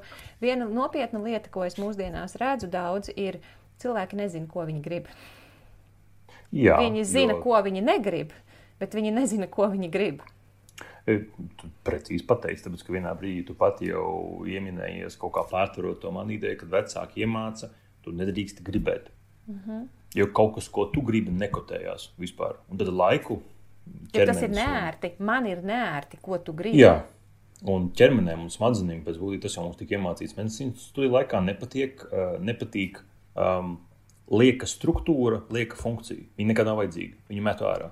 Līdz ar to, ja piemēram, nu, bioloģiski runājot, ja piemēram kaut kādā ziņā um, um, ir smadzeņu centrs, kurš atbild par dzirdi, piemēram. Bet, ja kaut kādā ziņā saikne ar dzirdes aparātu ir traucēta, vai pati auss ir traucēta un neuztver skaņu, laika ejot, neatkožot, ka bērns nedzird un ne, nepieliekot dzirdes aparātu vai neveicot operāciju, tas smadzeņu centrs atrofējās. Jo funkcija nav nepieciešama. Kā, nu, reku es esmu, mēs kaut ko varam darīt, nav, nu labi, un tad nevajag. Ar gribēšanu tas pats ir. Tieši tāpēc teicu, trīsgadnieks grib visu vienlaicīgi. Tu pat labi zini. Un, protams, tu viņam parādi lietas, kuras um, viņš var nodarīt sev pāri, citiem pāri, kuras varbūt pagaidām nav iespējams, bet tūlīt būs. Un tu pamazītiņām viņam rādi realitāti pēc iespējas tuvāk patiesībai.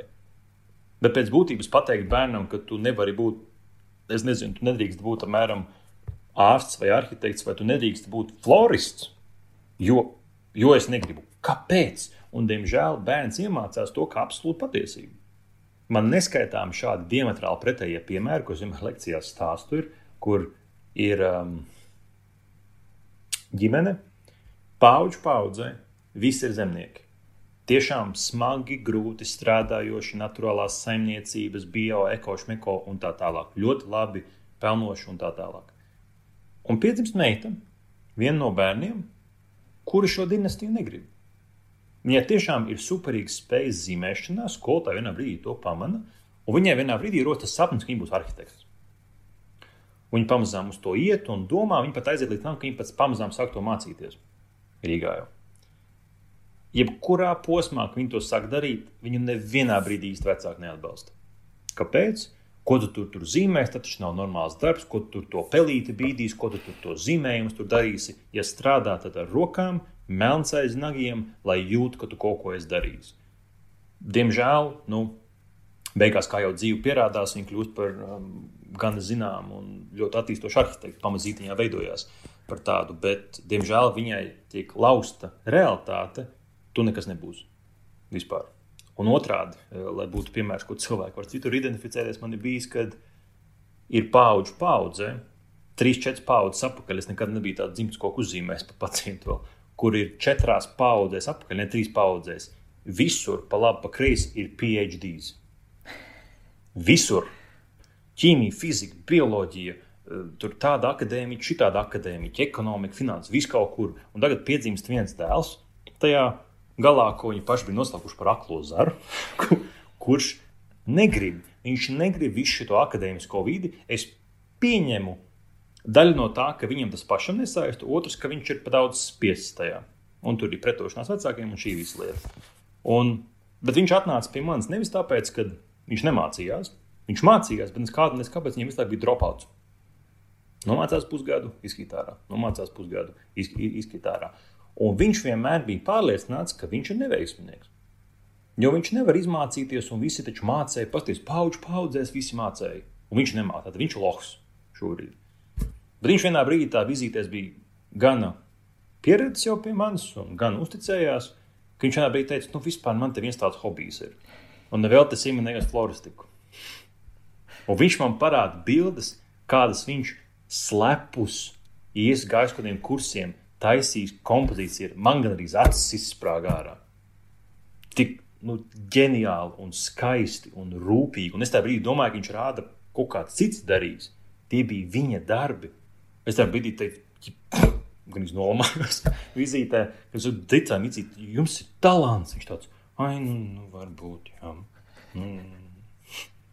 Un, diemžēl, te bija tā pati iemācītā daļai bezpalīdzība. Es nedrīkstu iet pēc savu sapņu. Es nedrīkstu iet pēc savas vēlmes kaut kādā ziņā. Protams, jāskatās, cik ļoti viņi atbilst realitātei. Tur, bet tas, kur diemžēl daudzi uh, nesaprot, ka viņi iespējams vienkārši piepilda vecāku vēlmu. Tā nav viņa vēlme. Māma teica, teica, reku, tev vajag. Tas attiecas uz visu. Tas ir uz izglītību, darbu, attiecībām, bērniem. Par to vispār nerunāsim. Tur es tikai aizslušos. Tad, esam, kāpēc bērnus vajag? Nu, laiks prasa. Kāpēc? Jo taču, nu, reku kaimiņai ne jau trīs. Visām draudzenēm. Jā, visām draudzenēm. Man tavā vecumā bija jau, nu, cepums tev. Jā, un es redzu, cik tu esi laimīga ar šo risinājumu kaut kādā ziņā. Līdz ar to tas viss sasaistās kopā, ka tā iemācītā bezpalīdzība uzbūvē tādu realitātes skatījumu, kur tieši tā kā tu teici, cits no malas skatās un redz, ka tev sanāk, tev izdodas, tu bikīti pieliet pulsu un viss ir. Nē, nē, nē, mm -mm. labāk nē, a ja nu nē, a ja nu nebūs, nē, ko tad es? Es jau neko. Artur, tu tagad esi pietuvojies ļoti svarīgai tēmai, ko no. es arī redzu kā būtisku emociju, kas visticamākais, nu, tu man labāk pastāstīsi, ir saistīta ar psihosomatiku, un tā ir vainas sajūta. Jā. Jo man cilvēki saka, ka viņiem ir bail kaut ko gribēt, jo viņi nodarīs kādam pāri. Labi, tur viena lieta neataisnos vecāku cerības, bet es nevaru to atļauties. Man tagad ir bērni, vai man tagad ir projekti. Nu, vai arī es nevaru atļauties būt laimīga, jo visi man riņķī nemaz nav tik laimīgi. Ko tad es tur izlekšu? Kad reāli ir vainas sajūta, un tad kā vispār var tikt pie tā, ko tu gribi, ja tu par visu jūties vainīgs, vai arī kā var aizstāvēt savas robežas, ja tu jūties vainīgs tās robežas aizstāvēt. Un tā ir lielākoties nu, vairāk droši vien sieviešu problēma nekā vīriešu, bet es zinu arī daudzus vīriešus, tādus, no, par kuriem no ārpuses neviens nepateiks, ka viņiem ir tāda problēma. Um, es teikšu, vīriešiem gana daudz tas ir. Sievietēm arī tur abiem diviem dzimumiem vienādi. Vienkārši um, sievietes mazliet vairāk par to runā. Vīrieši uh -huh. par to mhm. vienkārši klusē. Tas ir rak raksturīgāk mums. Um, bet labi, katrā ziņā, ka sievietes par to runā. Viennozīmīgi uh -huh. tur cepums jums par to, ka ziņā tā problēma tika aktualizēta. Uh -huh. um, tur ir dažādi aspekti. Uh, viens, ko tu nosauc pašā sākumā, tas galvenokārt ir saistīts ar vecākiem par to, ka uh, tas jau nāk no attiecībām vecākiem, ka tu nedrīkstēji kaut ko vēlēties un darīt, jo tev tika iemācīts, diemžēl, vainots, tu tika vai vainota, ka tu ar to nodari pāri. Tad, tad tas ir to, kontrolas mehānisms, bērnu jā, kontrolas to ar to apgrūtina, to ar to vēl kaut ko. Ir konkrētas situācijas, kur tas, protams, ir pa tēmu. Piemēram, tev atnāk, pierod tevi puika vai meitene. Uh, puika, man divas, divi ir jaunākais, tas trīsgadnieks ir puika arī. Jā, ah, puika, nu redz, viņš tev atnāk teikt, es gribu furgonu ar šokolādu. Tad būtu, nu, piedod dēliņu, nu, vai šokolāde, bet fur, furgons nebūs. Jā, un viņš tā, kāpēc nē, furgons? Un tu saproti, ka tā vēlme nav izpildāma. Bet šī gadījumā viņš teiksim, saka, es vēlos aiziet um, burtiski atceros. Um, pirms pāris dienām bija saticis savu kolēģi ar mazajām meitiņām, un viņai ir um, lielākā meitei kaut kā reizes trīs gadi. Un viņš stāsta piemēru, kur um, mm, viņai mājās ir ļoti mīļš ruksis. Mm -hmm. uh, mīkstā mantiņa nopirkt. Yeah. Viņa zina, kā ruksis dara. Ruksis saka, viņš ir rukšķis. Ja? Viņa, protams, staigā pa māju, rupšs, nu, mazums. Jā. Un viņi vienā brīdī iet uz dārziņu, satiek savu, sauc viņu pa Jāni, satiek citu bērnu grupu, grupiņas biedru Jāni, un viņi viņu sveic no rupšķa. Saka, Jānis pretīgi arī rupšķi. Abi ir rupšķi tajā brīdī. Un man šķoms tādā brīdī, nu, labi, bērni rupšķi un kāds starpība. Nu, nu sazinās abi divi. Bet Jāņa, mamma, no tām saka, Jāni, kā tu uzvedies šobrīd? Vulgārs piemērs, bet ideja tātad tu nedrīksti iesaistīties kaut kādā situācijā, jo ko padomās par tevi. Man tas būs šobrīd, man ir nērti, ka mans bērns rupšs. Tā ir tava problēma, ka tev nērti. Tā nav viņa problēma. Jo te ir tas, šis nav furgons, ko viņš pieprasa vai dara. Tā ir vienkārši spēle divu bērnu starpā. Nekas vairāk. Tas nav nekas patoloģisks šobrīd, nekādā veidā. Un, diemžēl, šādās situācijās viņas nogriežot vai ierobežojot, tu lauzi to realitāti, kropļo realitāti par to, par ko tev jājūtas ir vainīgam. Pat ir mums priekš 30 gadus, un diemžēl tev liekas, ka tu ar savu rīcību, uzvedību, izvēli mammu tēti sāpināsi. Tu liksi vilties māsai, brālim. Tas būs slikti. Tas, diemžēl, transformējās uz to pašu, ko tu teici. Um, es kā sieviete to nevaru darīt, jo redzēs, bērniem kaut ko atņemšu. Ko tieši? Nu, ne, sievietēm lielākās bailes ir, ka viņas būs sliktas mammas. Un ne tikai tas, ka viņi var būt iekšēji. Ir falša pārliecība. Es tev piekrītu. Es tev Tāpēc, ka piekrītu. viņām no bērnības ir iemācīts, ka konkrēta uzvedība atbilst labam cilvēkam. Un, diemžēl, ir iemācīts, ka labs cilvēks ir tas, kurš domā tikai par citiem. Man kaitina, ka cilvēki ir uh, iemācīti, diemžēl, ka egoisms ir mīnuszīme Es piekrītu, ja ego, ka egoisms ir mīnuszīme, ja tu domā tikai par sevi un tev empātija ir nulle. Ok, fine, tur es piekrītu. Bet, ja teiksim, šī gadījumā, piemēram, kāda mamma man teiks, ko es nesen ar vienu māmu strādāju, par tā, ka viņa, teiksim, saka, um, man ir um, jāauklē tagad bērni, man ir jāiztīra māja, man tur jāpadomā par sevi, kaut ko par vīru, bambaram, un ja es tagad atļaušu stundu šodien sev, bet neiztīrīšu māju, es būšu slikta mamma. Kurā galā? Kāpēc jūs būsiet slikta mamma? Jūs nebūsiet. Tas ir priekšstats, kas jums ir uzbūvēts līdz šim, un jūs viņu esat kaut kādā ziņā uh, pārņēmusi. Tātad visas mīļākās mammas, kas šo klausās, kur, kur ir kamera, kad jūs neesat sliktas mammas, jūs padomājat par sevi tieši pretēji. Ja jūs domāsiet tikai par saviem bērniem un ne par sevi, bērns to iemācīsies. Un tas, ko viņš iemācīsies šajā gadījumā, vienkārši nevajag uzreiz liekt otrā grāvī, vai ka jūs esat sačkrējuši jau savu bērnu, kad um, viņš iemācīsies, ka tu nedrīkst būt laimīga. Un ka tas viņ, ir ka, tas, ka bērns viņ... nedrīkst arī būt laimīgs. Jā, jo viņš redz, mamma par mani rūpētos, gurst, viņa ir nelaimīga, viņa ir dusmīga, viņa ir bēdīga, viņa raud, viņa dzer, viņa strīdās, viņa slimo. Viņa nav laimīga. Nafigam man vispār bērnus radīt. Pēc kā man attiecībās būt? Ja šis ir tas, ko tas nozīmē, es dzīvē to negribu. Un pēc tam brīnās vecāki, kāpēc tu negribi radīt bērnu? Lūdzu, šī iemesla dēļ. Tāpēc tas atkal nenozīmē jau otrā virzienā, at, atmetīšu bērnus malā un domāšu tikai par sevi. Tā ir otra galējība. Vajag iet pa vidu. Pamazīt viņam sabalansēt, ka reku, laiks būs bērniem, reku man. Diemžēl, protams, tā ir iekārtota vide, kad kaut ko darot sev, jā, iespējams, laiks bērniem tiks, tiks atņemts, un viņi būs dusmīgi par to un viņi būs bēdīgi par to. Bet tas nenozīmē, ka tu esi slikta mamma. Atkal nepārvērtējot situāciju, bet tu neesi šī brīdī. Un tas ir tas grūtākais, ko šajā brīdī mamā pie, ir pieņemt, ka šajā mirklī, kad bērns sadusmojās vai saskumst, viņām savukārt aktualizējās bērnības pieredze, kur mamma vai tēvs viņam kaut ko teica. Tu esi slikts, es tevi nemīlu, redz, kāda tu slikta meita šobrīd esi. Un tam bērnam sākot raudāt, viņa to iedomājās neapzināti. Un, lai tas nebūtu jāizjūt, lai viņa būtu laba mamma, viņa darīs visu. Diemžēl uh, uz diezgan lielu savu rēķinu uh, un diezgan tuvojoties izdegšanai. Un tas pēc tam tādā maitas kāplī noved, ka viņa nevelta sev laiku, pārmet sev par to, netiek galā, saslimst. Tā kā viņa saslimst, viņa vēl mazāk sev var veltīt laiku, nosomatizē, psihosomatika attīstās. Bērni ir vēl dusmīgāki, tas raisa vēl izteiktāku reakciju, un bābēs ritenis ir iesācies.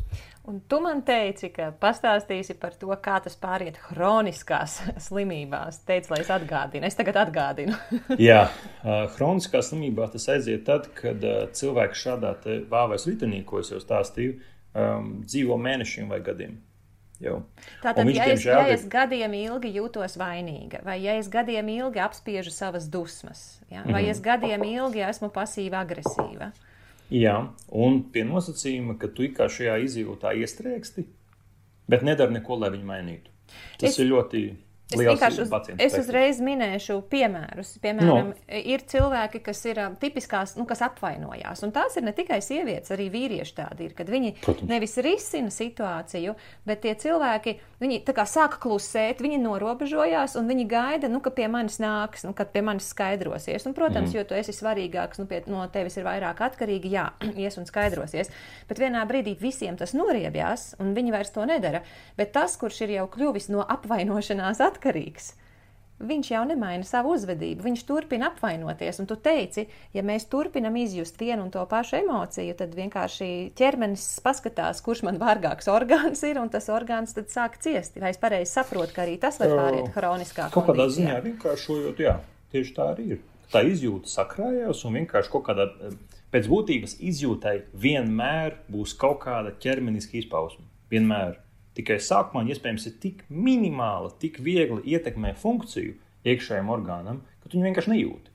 Ir tik minimāls izmaiņas sirdsdarbībā, elpošanā vai kuņģa zarnu trakta darbībā, ka tu neko nejūti īsti. Tad, kad tu sāc pamanīt, tad vienkārši nu, tu sāc apzināties, hei, hei, man tur kaut kas notiek. Bet, diemžēl, šajos gadījumos tas, kas notiek, ir, ko mēs saucam par somatizāciju vai sekundāru slimības ieguvumu vēlāk, kad kas cilvēks nofokusējās uz simptomu, jo simptoms ir taustāmāks, redzamāks, pamanāmāks, un viņš sāk risināt simptomu, kas sākumā ir korekti. To aiziet pie ģimenes ārsta, neiroloģa, kardiologa, pamatanalīzes uztais. Ja tajās analīzēs nekādu izmaiņu nav, tad runa nav par orgānu. tad runa ir par situāciju, kas radīja izmaiņas šī brīdī orgānā. Tā ir klasika cilvēkiem, kuriem piemēram ir panikas lēkmes vai kaut kādas izteiktas iekšējas trauksmes, kas rada kaut kādas sirds pārsitienas vai kaut ko tādu. Viņi aiziet pie kardiologa, uzstājas EKG eho, sirds ir vesela, asinsvadi ir tīri, viss ir kārtībā, bet viņi meklē, ne kaut kam tur ir jābūt. Nē, draugiņ, sirdī nav problēma šī gadījumā. Problēma ir kaut kur citur. Un nofokusējoties uz šo simptomu, viņi attālinās no tās emocionālās problēmas. Un tur ir tieši tas, ko tu forši sākumā pateici. Viņi nerisina viņu. Viņi turpina besīties par to, redz, kāds man simptoms, redz, kā man šīs, redz, kā šīs attiecības ir. Bet viņi brīžiem pat nejūt, kas notiek ar viņiem pašiem. Viena no lietām, kas ļoti bieži ir dusmas, viņi savas dusmas nejūt nekādā veidā. Atceros vēl vienu. Jā, tiem cilvēkiem nav ne nojausmas, ka viņi ir dusmīgi, bet saki, ko tu atcerējies. Pasīvās agresijas. Vienu piemēru atnāca viena pacienta, jauna dāma, ļoti veiksmīga biznesā, ļoti varoša, ļoti spējīga. Uh, nes kāpēc? Viena. Vientuļa. Attiecībās nav. Ir mēģinājumi bijuši, bet kaut kādas attiecības nenoturās. Uh, vārds pa vārdam, ļoti skarba, ļoti prasīga mamma bijusi. Ir, tētis tāds bija diezgan nēsošs, līdz ar to ir tāda saulaina tāla par to vīrieti, kurš iespējams kaut kur ir, kaut kur nav. Bet vienmēr jābūt tādai supervarošai, spējīgai, nu tas vīrietis nu ir nafiga. Bet kaut kādā brīdī viņi tomēr pieauguši, saprot, ne viņi tās attiecības grib. Lai gan tādu veselīgu piemēru vecāku starpā viņi īstenībā nav redzējusi. Bet, neskatoties uz to, viņi grib mēģināt. Viņi grib pamēģināt, izveidot attiecības. Tas, ko viņa nejūt, cik ļoti viņi tos vīriešus kastrē, -hmm. Viņi to nejūt. Viņi atnāk zem no vizītēm un saka, oh, viņi ir sastapusi vienu vīrieti, uz randiņu. Tā, oh, labi, nu, pastāstiet kaut ko vairāk. Nu, viņš tur tāds ar uh, uzņēmējs un biznesu, tad mums kopēja tēma būs tāds, oh, labi, kopēja tēma, ļoti interesanti. Nu, kas tas viņiem pa biznesu? Un Milisekundē man uzdodot šo jautājumu, momentā tāds, nu, nu kas par biznesu? Nu, biznesa jau nekāds viņam tur īsti nav. Nu, kas viņš pa vīrieti ar tādu biznesu? Ne, jā, ne, nu, bet, nu, satikties jau var parunāt, jo viņa tur var. Nu. Un tikko bija tāds oh, vīrietis, un man varam, un viss nokāva jau tajā brīdī, kad sāk ar viņu runāt. Un tad dīvainākais bija tas, ka, nu, kas tad viņš pa vīrieti, viņai jau tādu īsti nevajag. Un tajā brīdī, kad mana fantāzija. Viņa gana daudz šāda vīriešiem ir reaģējusi. Nu, vīrieši vienā brīdī tādu, nu, baigi interesantu arī nevar te runāt, ja tu visu laiku uz mani skaties kā uz zemāk stāvošu. Jo viņi sev visu laiku viņiem salīdzina, ko viņiem nevajadzētu darīt. Un tajā brīdī, kad viņi pasaka, zini, nu, mums laikam nav pa ceļam, nu, sorry, mēs vairs nevaram tikties, viņa pēkšņi sabrūk.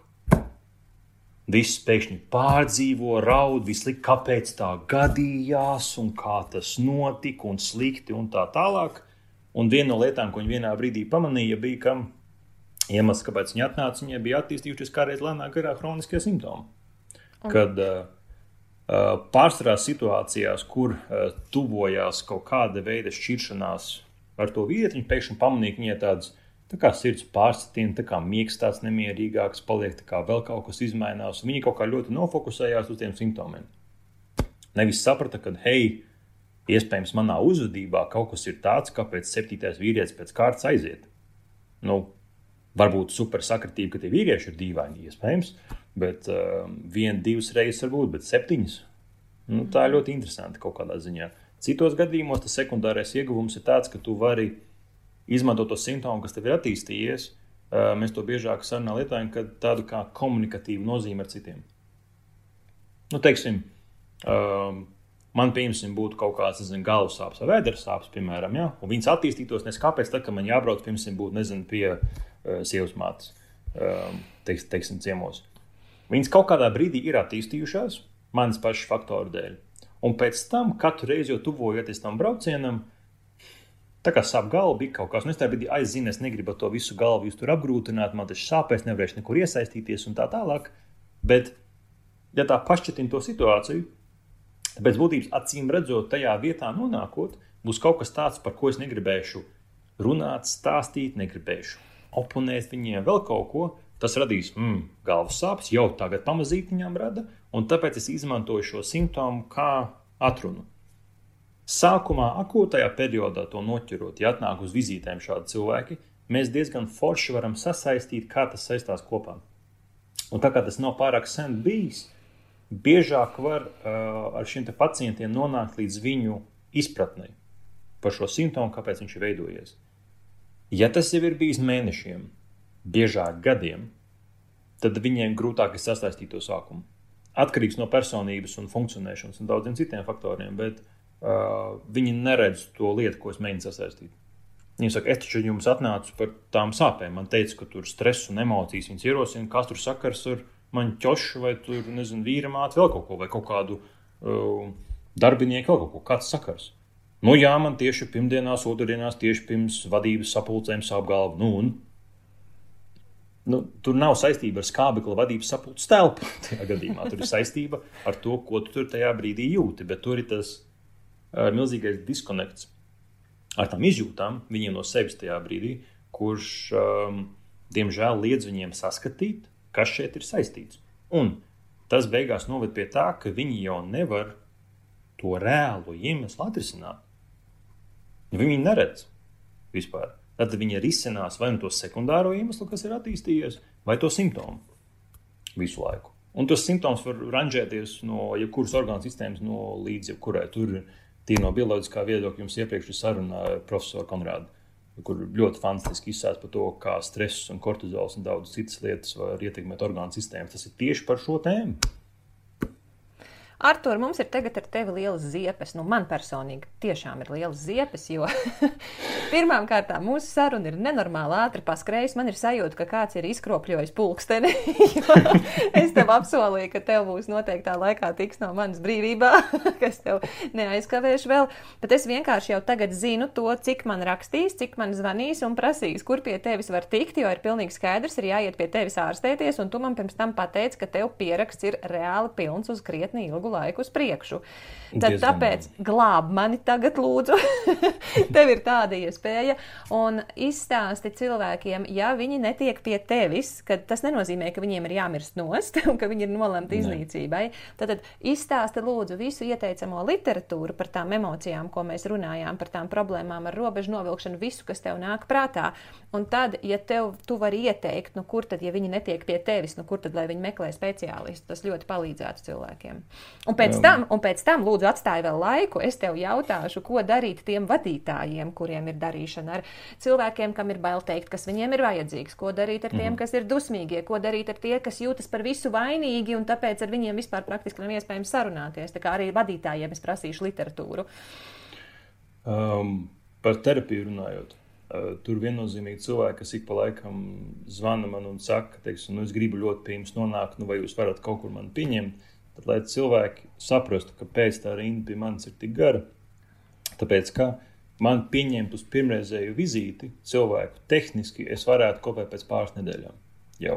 Bet es nevarētu šim cilvēkam garantēt, ka es pēc tam viņus varētu atkārtotām vizītēm pieņemt.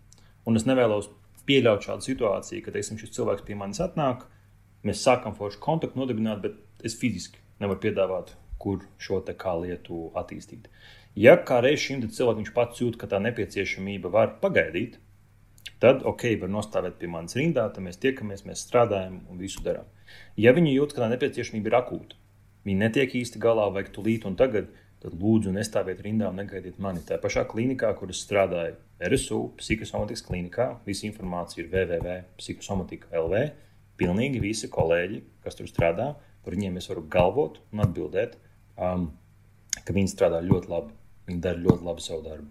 Arī tie, kas šobrīd ir vēl rezidentūrā, kolēģi arī nevajag no tā baidīties, ka viņi reku ir apmācībā. Um, viņi kā reiz ir brīžiem pat tāpat kā kurš cits rezidents vēl uzcītīgāki. Viņi mēģinās visu uzzināt no jums, katru sīkāko detaļu, un viņi arī tiešām ļoti labi strādā. Viņu darbs vienmēr tiek pāraudzīts un supervizēts gan no manas puses, gan no citiem kolēģiem, lai viņi vislabāko uh, sniegumu varētu darīt un labāko terapiju. Es piebildīšu, es piebildīšu par rezidentiem. Mani vienmēr fascinē, kad man izjautā rezidenti pie ārstiem, jo tādu uzmanību pret detaļu, tieši tas tā, tieši, ko tu minēji, ir re, reāla taisnība. uh, otra lieta, kur man noteikti jāpasaka, ir, ka, ja mazums klīnikā negribās iet, cilvēkam reizēm ir aizspriedumi par to, ka tā ir klīnika un negribās doties, arī tad uh, iesaku, ka var iet uh, www.ārstpsihoterapeita.lv, kas ir Latvijas ārstu psihoterapeita asociācijas uh, Um, galvenā lapa, kur ir pilnīgi visi uh, psihoterapeiti listēti. Uh, šur tur arī viņi sadalīti, kur ir bērniem, kur ir pieaugušiem, kur ir pusauģiem. Un tur randomizēti, jebkuram pēc būtības var zvanīt, jautāt, pēc jebkura uzvārda var paskatīties internetā, kaut ko palasīt, kaut kādus rakstus, un tad attiecīgi viņiem zvanīt un jautāt, um, kad ir tuvākais laiks, kad pie viņiem var tikt. Tā kā opcijas ir vairākas, viennozīmīgi skatīties, nu, tāpēc mēs arī izvērtējam kaut kādā ziņā. Ja, uh, pieņemsim, ir pacients, kuram nezinu jau. Um, nezinu, 4, 5 gadus ir panikas lēkmes, un nākamos 3, 4 mēnešus nekas traks nenotiks. Viņi kaut kādā veidā iemācījušies jau sadzīvot ar viņiem. Bet cilvēkam parādījušās jau kaut kādas pirmreiz dzīvē pašnāvības domas, ļoti smaga depresija, izteikts trauksmes un nezinu par ko, nu tad jāskatās, pie kuras speciālista var tikt ātrāk. Šeit vēlams nebūt ļoti izvēlīgiem, bet drīzāk, lai saņemtu vienkārši palīdzību um, kā tādu vislabāk. Ja par literatūru runāt, tad es kā reiz skatos savu grāmatu plauktu. Viena no grāmatām, ko es parasti iesaku, ir um, par bērniem, bet viņi var attiecināt arī uz pieaugušajiem. Tas ir Roberts Zuilī. Kā izprast mūsu bērnu emocijas? Tas ir viņa tulkota latviešu. Viņa ir latviešu, jā, pieejama uh -huh. arī. Uh -huh. Iespējams, viņš šobrīd šur tur vēl zvaigznē vai rapā varbūt ir izpirkta, bet viņai vajadzētu uh, būt tur. Tur ir ļoti forši aprakstīts. Um, emocionālais spektrs, ar ko bērns var saskarties e, no dzimšanas līdz desmit gadu vecumam. Un kas man visvairāk patīk, tur ir piemēri e, par to, kā mēs varētu reaģēt uz šo bērnu. Tā, tur bieži vien tiek saukts negatīvais piemērs, ka teiksim, mēs viņu kaut kā apkušinām, nesaprotam, norājam kaut ko, un ir alternatīvs piemērs. Ar visu dialogu aprakstītu, kā mēs citādāk varētu uz viņu reaģēt. Un tas, ko es cilvēkiem parasti iesaku, kad šo var ņemt kā piemēru arī ikdienai. Nevis tikai ar bērniem, bet arī ar pieaugušajiem. Nevis saskatīt pieaugušos kā bērnus, bet tīri to emocionālo reakciju. Jo tikpat labi pieaugušais var pēkšņi par kaut ko sabīties, kaut ko pēkšņi stāstīt, un jūs īsti nesaprotat, neuzķerat domu. Tad, pielietojot šo pašu tehniku, jūs izdarāt sev lāču pakalpojumu un otram. Otrs saņem to, ka viņš tiek uzklausīts, jūs savukārt saprotat, ko viņi patiesībā grib. Tas ir viens. Otrs par bērniem ir, um, mans bērns mani neklausa. Tur gan es to autoru neatcerēšos. Tagad, mēs pēc, mēs tā... ieliksim saitī ar visu, gan autoru, ah, visu, ko okay, atradīsim. Mans bērns mani noteikti. neklausa. Uh -huh. Tur ir divas sērijas. Viena bija tā, un otra bija mazliet citādāk uh, nosaukums, bet tur bija vienkārši no 1 līdz 5, un tad no 6 līdz 10 gadu vecuma. Uh -huh. um, tad viennozīmīgi no Salmana Ahtara, ko es jau teicu, sērijas tur da jebkuru grāmatu pēc būtības var ņemt. Salmana Ahtara ir tulkots, jeb nē, tas ir angliski. Varbūt kaut kas arī ir latviešu tulkojums, principā tur lielākā daļa ir angliski, un šis, šis tas ir krieviski. Uh -huh. uh, arī viņas var atrast. Tur ir par tām pašām emocijām. Tur es iedošu arī dažus saitītus. Tev ir atsevišķi. Viņa, viņš pēc būtības ir tik, manā skatījumā, ģeniāls cilvēks, kad viņam ir grāmatas, ja grib iedziļināties. Viņas gan vienā brīdī ir ar tehnisku ievirzi mazliet, uh -huh. bet ar gana daudz foršiem spilgtiem piemēriem, vieglākai uztverei. Viņam ir tik bieza grāmata tikai par bailēm. Tikai Kolosāli. par kaunu tikai par vainas izjūtu. Tur ir fantastiska literatūra, kur tā, tās vietas, kas attiecas uz terapijas taktiku, var izlaist. Lasītājs vienkārši nelasīt, bet to sākuma piemērs par skaidrojumu, iespējām, viņš ļoti daudz vēl paralēlis ar uh, dažādu daļu literatūru, vēsturi. Uh, tas vienkārši dod labāku priekšstatu. Tātad tās to, būtu labas grāmatas cilvēkiem, kuri zina, ka viņiem bailes ir aktuāla tēma, kauns. Tu minēji vainas sajūta vēl bija arī. Ja? Tur var gandrīz jebkuru vārdu ierakstīt, un viņam tur bija gan par. Tās ir dažādas dusmām, grāmatas. Ja? Tās ir dažādas grāmatas. Dažādas grāmatas. Jā. Viņas gan tās... jāatzīst uh, maksā. Uh mhm. -huh. Bet, um, Vēl dārgāk ziņā... maksā nerūpēties par sevi. Tas maksā arī, dārgāk. Arī. Ja un... kaut kādā ziņā cilvēkam biedē, nezinu, terapijas cena, tad varbūt labi sāciet ar grāmatu. Jo nemaldos, katra grāmatiņa vidēji bija kaut kāda 30, 40 eiro. Jā, un es parasti cilvēkiem piedāvāju, nu, parēķini savu baiļu dēļ prasīt algas pielikumu, ka tu reāli zini, ka tu varētu pelnīt par kā minimums par 100 eiro mēnesī vairāk. Parēķini gadā, tas ir 1200. Parēķini trīs gados, ja, un ka tā, zinot, ka tā summa vēl var pieaugt. Cik Tieši nenormāli tā. daudz naudas tu zaudē? Jā. Kopums, ne. Tad, tas bija Salman uh, Ahtar, kas vēl tev ir? Ko es tagad domāju? Tavu sitienu. Man daudz vairāk, diemžēl, jādīs profesionālu literatūru lasu. Ah, um, Autori arī to nosaukšu, bet viena grāmata ir Smadzenes nenovecotās mainās. Mm -hmm. Ļoti laba grāmata. Tas tev ir ā, angliski vai latviski? Tā ir. Mhm. Mm -hmm. Viņa tulkot.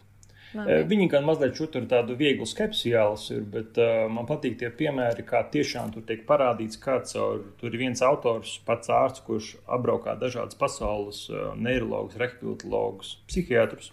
Un, um, viņš sastopās ar situācijām, kur šie neiroloģi ir atraduši ļoti netradicionālus, interesantus ceļus, kā izmantojot faktu, ka smadzenes var apiešanas ceļus meklēt, citus, respektīvi, ceļus, kā nodrošināt kaut kādu ķermeņa funkciju, kā viņi atjauno dažas funkcijas cilvēkiem.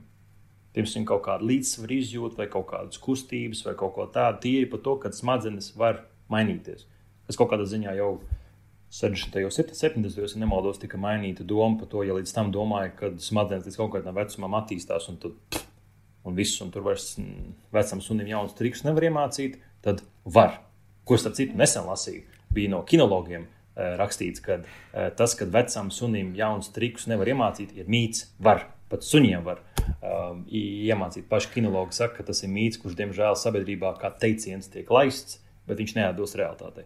Um, šeit ir tieši tas pats, kad arī cilvēki gados var uh, ļoti labas lietas apgūt. Protams, tas prasa daudz vairāk laika. Plasticitāte vairs tik forša viņiem nav kā mazam bērnam vai nezinu, pusaudzim, bet um, gan daudz lietas viņi var um, iemācīties uh, vie- viennozīmīgi.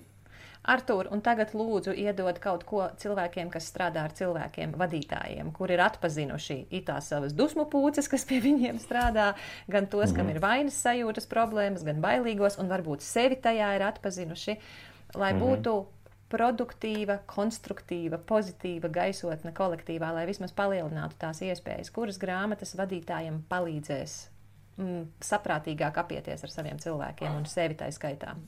Ja godīgi par darbiniekiem, man būs grūti tā pateikt, kuru labāk. Katrā ziņā mums iepriekš nosauktās jau derēs. Uh, viena, ko es tev precīzāk nosaukšu, mēs ierakstīsim arī aprakstā. aprakstā būs uh, Dance with Fear, ja nemaldos, kur bija dejas ar Dance with bailēm. Uh, es precizēšu autoru un uh, Vai grāmatu, man kas tā šķiet, tieši ka tā varētu būt Harriet Lerner? Man tā liekas. Uh, Varbūt, nezinu, man jāpaskatās. Mm -hmm. Kur uh, iespējams, kur respektīvi ļoti vienkāršā, saprotamā valodā tiek parādīts, no kā tad bailes mūs reizēm var sargāt. Un tur ir arī forši piemēri par Ah, nē, nē, nē, tas ir cits, man liekas. tagadne, autors, uh, un vēl tā kā skatījums uz nākotni, kā kaut kādā ziņā bailes var ļoti dažādās formās um, iz, i- izpausties. Un tas iespējams pavērs kaut kādiem vadītājiem skatījumu, uh, kā kaut kādos brīžos var um, um, darboties konkrētās um, situācijās. Ir vēl viena grāmata, kas Fantastisks man ieteikums. nāk prātā, bet to es precizēšu pēc mūsu sarunas, varbūt, kā Mhm. viņi īsti sauc. Un, Artur, eh, es ļoti priecāšos, ja tu iedosi mums eh, nu, vēl sārakstu, neskatoties uz tām grāmatām, ko tu nepieminēji. Bet tagad es vienkārši zinu, kā mūsu auditorijā ir cilvēki, kas gribēs, lai tu nāc pie viņiem uz uzņēmumiem un lasi lekcijas, pastāsti, ā, kas viņiem ir jāņem vērā. Pirmkārt, kā viņi vispār var pie tevis nokļūt, lai tu varētu tevi uzrunāt, kā to dabūt gatavu. Um, numur viens vienkārši man var rakstīt Facebook. Mm. Vai nu rakstīt vienkārši ziņu, vai uzaicināt. Un tad uzrakstīt, es ieteiktu uzaicināt. Un tad, un tad rakstīt, jo, ja reizēm vienkārši raksta ziņas, reizēm message requestus neredzu vai neatnāk, un tad, ja es viņus izlasu, jau mēnesis pagājis, kad cilvēks man rakstīs. Ir. Bet es vienmēr uz šīm ziņām uh, atbildu. Tas ir viens. Um, otrs man rakstīt e-pastu. E-pasts ir um, RSU e-pasts, mans Artūrs.Miksons at RSU.CLV. Um, var droši rakstīt uh, e-pastu ar jautājumu, konkrētas problēmas, jau uh, iespējams izteikumu, tad attiecīgi uh, vai nu e-pastiski es atbildu, mēs jau kaut ko sazināmies, vai mana pieeja biežāk ir, kad mēs telefoniski saz- sazināmies, izrunājam, kas pa jautājumu, ko kā, un tad skatāmies, ko mēs kā varam darīt. Es cenšos, mana pieeja ir ļoti individuāla. Uh, Katram uzņēmumam līdz to mēģinu saprast, kā vislabāk šim uzņēmumam uh, palīdzēt. Um, es saprotu, uzņēmumi ļoti bieži man jautā, kas ir tās nezinu, top trīs tēmas, par ko es runāju. Um, un es saku, es jums varu nosaukt, nezinu, reku, izdegšana, konflikti, robežas, emociju paušana, veselīga vide un tā tālāk. Ok, to es jums varu nosaukt. Bet nav jēgas jums vienkārši paņemt vienu, kas jums šķiet derēs. Labāk būs, ka jūs man izstāstāt, kas jums tur par problēmu ir. Un es jums ieteikšu, okay, izklausās šīs divas. Ir aktuālākās, tad kuru ņemsim, nu, vienosimies. Pretējā gadījumā ļoti bieži var būt, ka viņiem šķiet, ka problēma ir tur, bet īstenībā problēma uzņēmumā ir pilnīgi kaut kur citur. Un tikai sarunas gaitā mēs līdz tam varam nonākt. Mm -hmm. Um, tad vēl viena lieta, uh, tu teici, tad, ka tā mamma saka, ka viņa nevar atļauties par sevi parūpēties, ka tu viņai saki, nē, tev ir jārūpējas par sevi, tev vienkārši ir jārūpējas par sevi. Tad es domāju, nu, laimīgā tā mamma, viņa pie tevis tika, tu viņai kā vēl vīrietis un ārsts ar autoritāti iedeva atļauju, viņa tagad iet mājās, viņai tur kāds saka, nē, tu nevari, viņa saka, nē, man doktors teica, es varu. Uh, A, ko darīt tiem cilvēkiem, kuriem nav iespējas pie tevis nokļūt un dabūt tādu ārsta norādījumu? Tev būs par sevi rūpēties, citādi dabūs nu, iekšās. um, es ceru, uh, man ir bijušas dažas situācijas, kur pacienti diezgan tieši man pateikuši, ka es mājās vīram pateicu, ka man doktors teica tās, nu, fuck. es ceru, ka tā to neizmantoju. Gan jau gana daudz tā teikuši, bet mans mērķis ir mēģināt tajā sarunā viņiem nodot ka tajā brīdī, kad tu aizej mājās, vai nu šobrīd attālināti, tu esi jau mājās, kad tu spēj nonākt līdz tam brīdim, pateikt tam otram cilvēkam, ka tu gribi. Nevis tāpēc, ka es teicu, bet tāpēc, ka tu gribi. Un te būs gribās teikt, nezinu, angliski, the fact that you want to do this is good enough. Ka ar tas, to vien, gribi, ar to vien, ka tu daudz. to gribi. Ar to tas vien, ka tu vērtīgi, gribi un tas ir gana daudz. Nevis tāpēc, ka autoritāte pateica, nevis tāpēc, ka Reku gudrais Miksons samērā pareģoja tev kaut, kaut, kaut kādā ziņā, bet tāpēc, ka tu vēlies brīdi sev, tu vēlies laiku ar vīru, tu vēlies laiku ar bērniem, tu vēlies laiku sievu, tu vēlies laiku sev. Tas ir fini. Un censties neiet uzreiz kaut kādā strīdā, uzreiz konfliktā, reku es gribu un punkts neiet uz visu ratā, bet hei, es vēlos. Mēģinam sārunāties, lūdzu, to. Šis piemērs, ko es stāstīju par šo, šo sievieti pamaz, pa, pa, pamazītiņā nonāca līdz tam, ka ok, vajadzētu mēģināt. Saka, jā, bet kurus uzreiz kaut kādas tur, nezinu, trīs stundas dabūšu. Paga, nokāp no mākoņiem. ja. Sāksim ar to, ka tu kaut vai vienojies ar vīru, ka tu sāc pusstundu, 20 minūtes. Palūdz, lai viņš ar bērniem iziet ārā, lai viņš ar bērniem paliek mājās, tu izej ārā. Un sāc ar to, ka tu vispār ļauj sev, nevainojot sevi. Sākumā tāpat vainas izjūta parādīsies. Bet mazāk sev vainojot, ļaut to brīdiņu sev. Un tad, ja tu varbūt kāpinās tos pusstundu, 40 minūtes vai stundu vienā brīdī, un tu nejutīsies par to vainīga, un jūs spēsiet ar vīru vai sievu, vai nav, kurš kuram to saka, mm, bez, vai ne, ne, nevis bez, ar daudz mazāku baiļu un vainas izjūtas devu pateikt otram, hei, klausies, es šovakar gribētu uh, iziet pastaigā. Es šodien gribētu iet vannā, šodien gribētu palasīt grāmatu, šodien gribētu darīt šo klau. Kā mēs varam to izdarīt? Jo pretējā gadījumā tu, sa, tu sevī visu laiku sēdi, tu domā, nu es tā gribētu. Jā. Hmm. Šī ir vesela pacienta kategorija, kas saka, es tā gribētu. Nu, vai jūs varētu pateikt, neteikšu. Bet besī, ka man nav, nu, sorry, tad mums izmaiņas nebūs nekādas. Un, un šie, diemžēl, tie ļoti tie paši pasīvi agresīvie cilvēki, kuri pārdzīvo, besās, ka viņiem nav uh, brīvības, naudas, attiecību vai kaut ko, bet darīt viņi neko negrasās. Un viņi, diemžēl, iestrēgs tādā burtiski darba smucā paši, uh, no kuras viņi nekāpj ārā. Un neviens cits bez viņiem tas muciņš ārā nebūs. Es varētu teikt viņiem, cik es gribu, ka tas būtu korekti, pamēģiniet, būs forši, būs vērtīgi, veselīgi viss, ko es teikšu, būs tieši nulles vērts. Tad tas mūsu sarunā ir ieskanējies no tevis daudzas reizes, ka risinājums ir darīt pamazām. Sākt ar vienu algu, cik mazu viņi, bet sākt un darīt.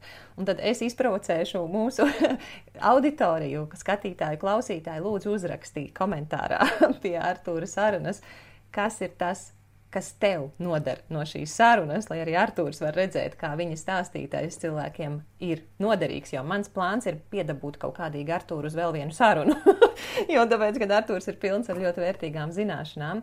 Un uh, Arthur, visas tevis dotās grāmatas, saites, ieteikumus, linkus mēs ieliksim uh, ugunsskolu.lv, slīpsvītra, cilvēku jauda 36. Mm. Šī būs mm. mūsu 36. saruna. Uh ja drīkst pēdējais papildināt. Obligāti, tevis, obligāti. Tevis, tevis teikt to. Uh, gan komentāros šim video noteikti aicināt cilvēku kaut ko ierakstīt, bet um, Var arī droši negribu komentāros, lai visi redz, vai droši sūtīt man privātu ziņu Facebook. Man tiešām interesē tie brīži, kad jūs pamēģinājāt mazo lietu un jums sanāca. Man tiešām um, pašam palīdz tas, ka es uh, redzu, ka teiksim, kaut kāda lieta, ko es pateicu, ir noderējusi, vai varbūt es varu modificēt viņu, lai palīdzētu labāk.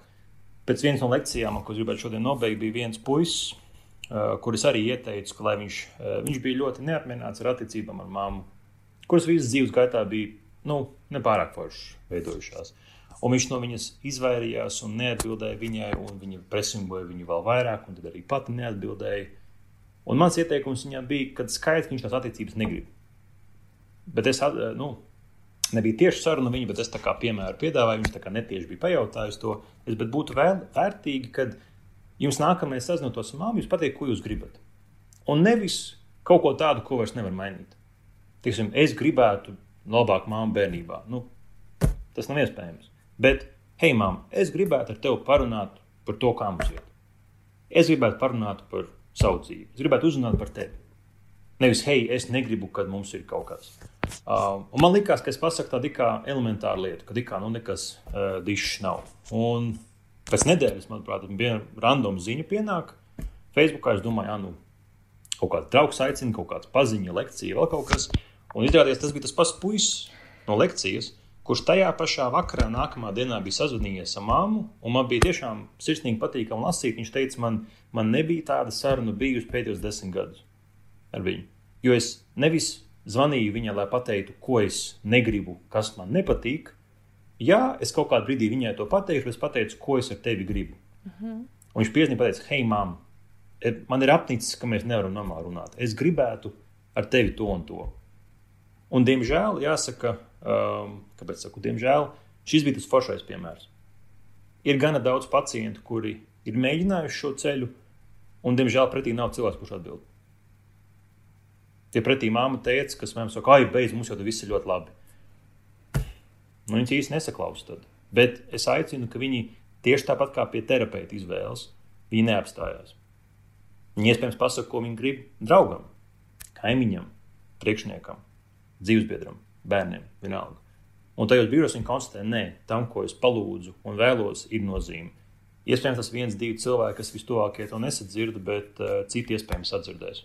Tā kā jums šādi līdzīgi piemēri, arī pat tie, kas varbūt neizdevās, ir tādi, droši rakstiet, es tiešām gribu zināt, kā jums veicies. Nu, Artur, man te tagad būs tāds pseidonīms, ja uz šī, šīs sarunas iespējā. Nākošā sarunā man droši vien radīsies cits pseidonīms, bet šobrīd tu man esi dakteris, kurš paraksta gribēšanu oh, un drosmi. Super! Uz nots bērnībā vienmēr teica, kā tur bija. Uh, gribēt ir kaitīgi, kaitīgi ir negribēt. Beigās, tur, ja? Tad, ne, ne, tas, tas teiciens bija, uh, gribēt nav kaitīgi, kaitīgi ir nedabūt. Tas ir tas, ko man visu laiku, tas ir tas, ko es, man visu laiku būvē. Es atceros ziņā, ka cilvēkiem ir teiks, kur kad apmēram daudz gribēt ir kaitīgi. Mans kontrarguments šobrīd ir muļķības. Gribēt jūs varat visu. Vai jūs to beigās dabūsiet vai nē, tā ir cita saruna. Bet gribēt vēlēties savā galvā, jūs varat visu. Protams, vienā brīdī jāskatās, cik tas eh, kaut kādā ziņā ir realizējams, bet neviens nedrīkst jums iemācīt vai pateikt, ko jūs gribat vai nē. Vēl jau mazāk pateikt, ko jūs drīkstat domāt, ko jūs drīkstat just. Āmen. Man vienkārši neko negribās piebilst, lai nesabojātu to noslēgumu. Ar to līdz nākošajai reizei. līdz nākamajai reizei. Milzīgs tev paldies!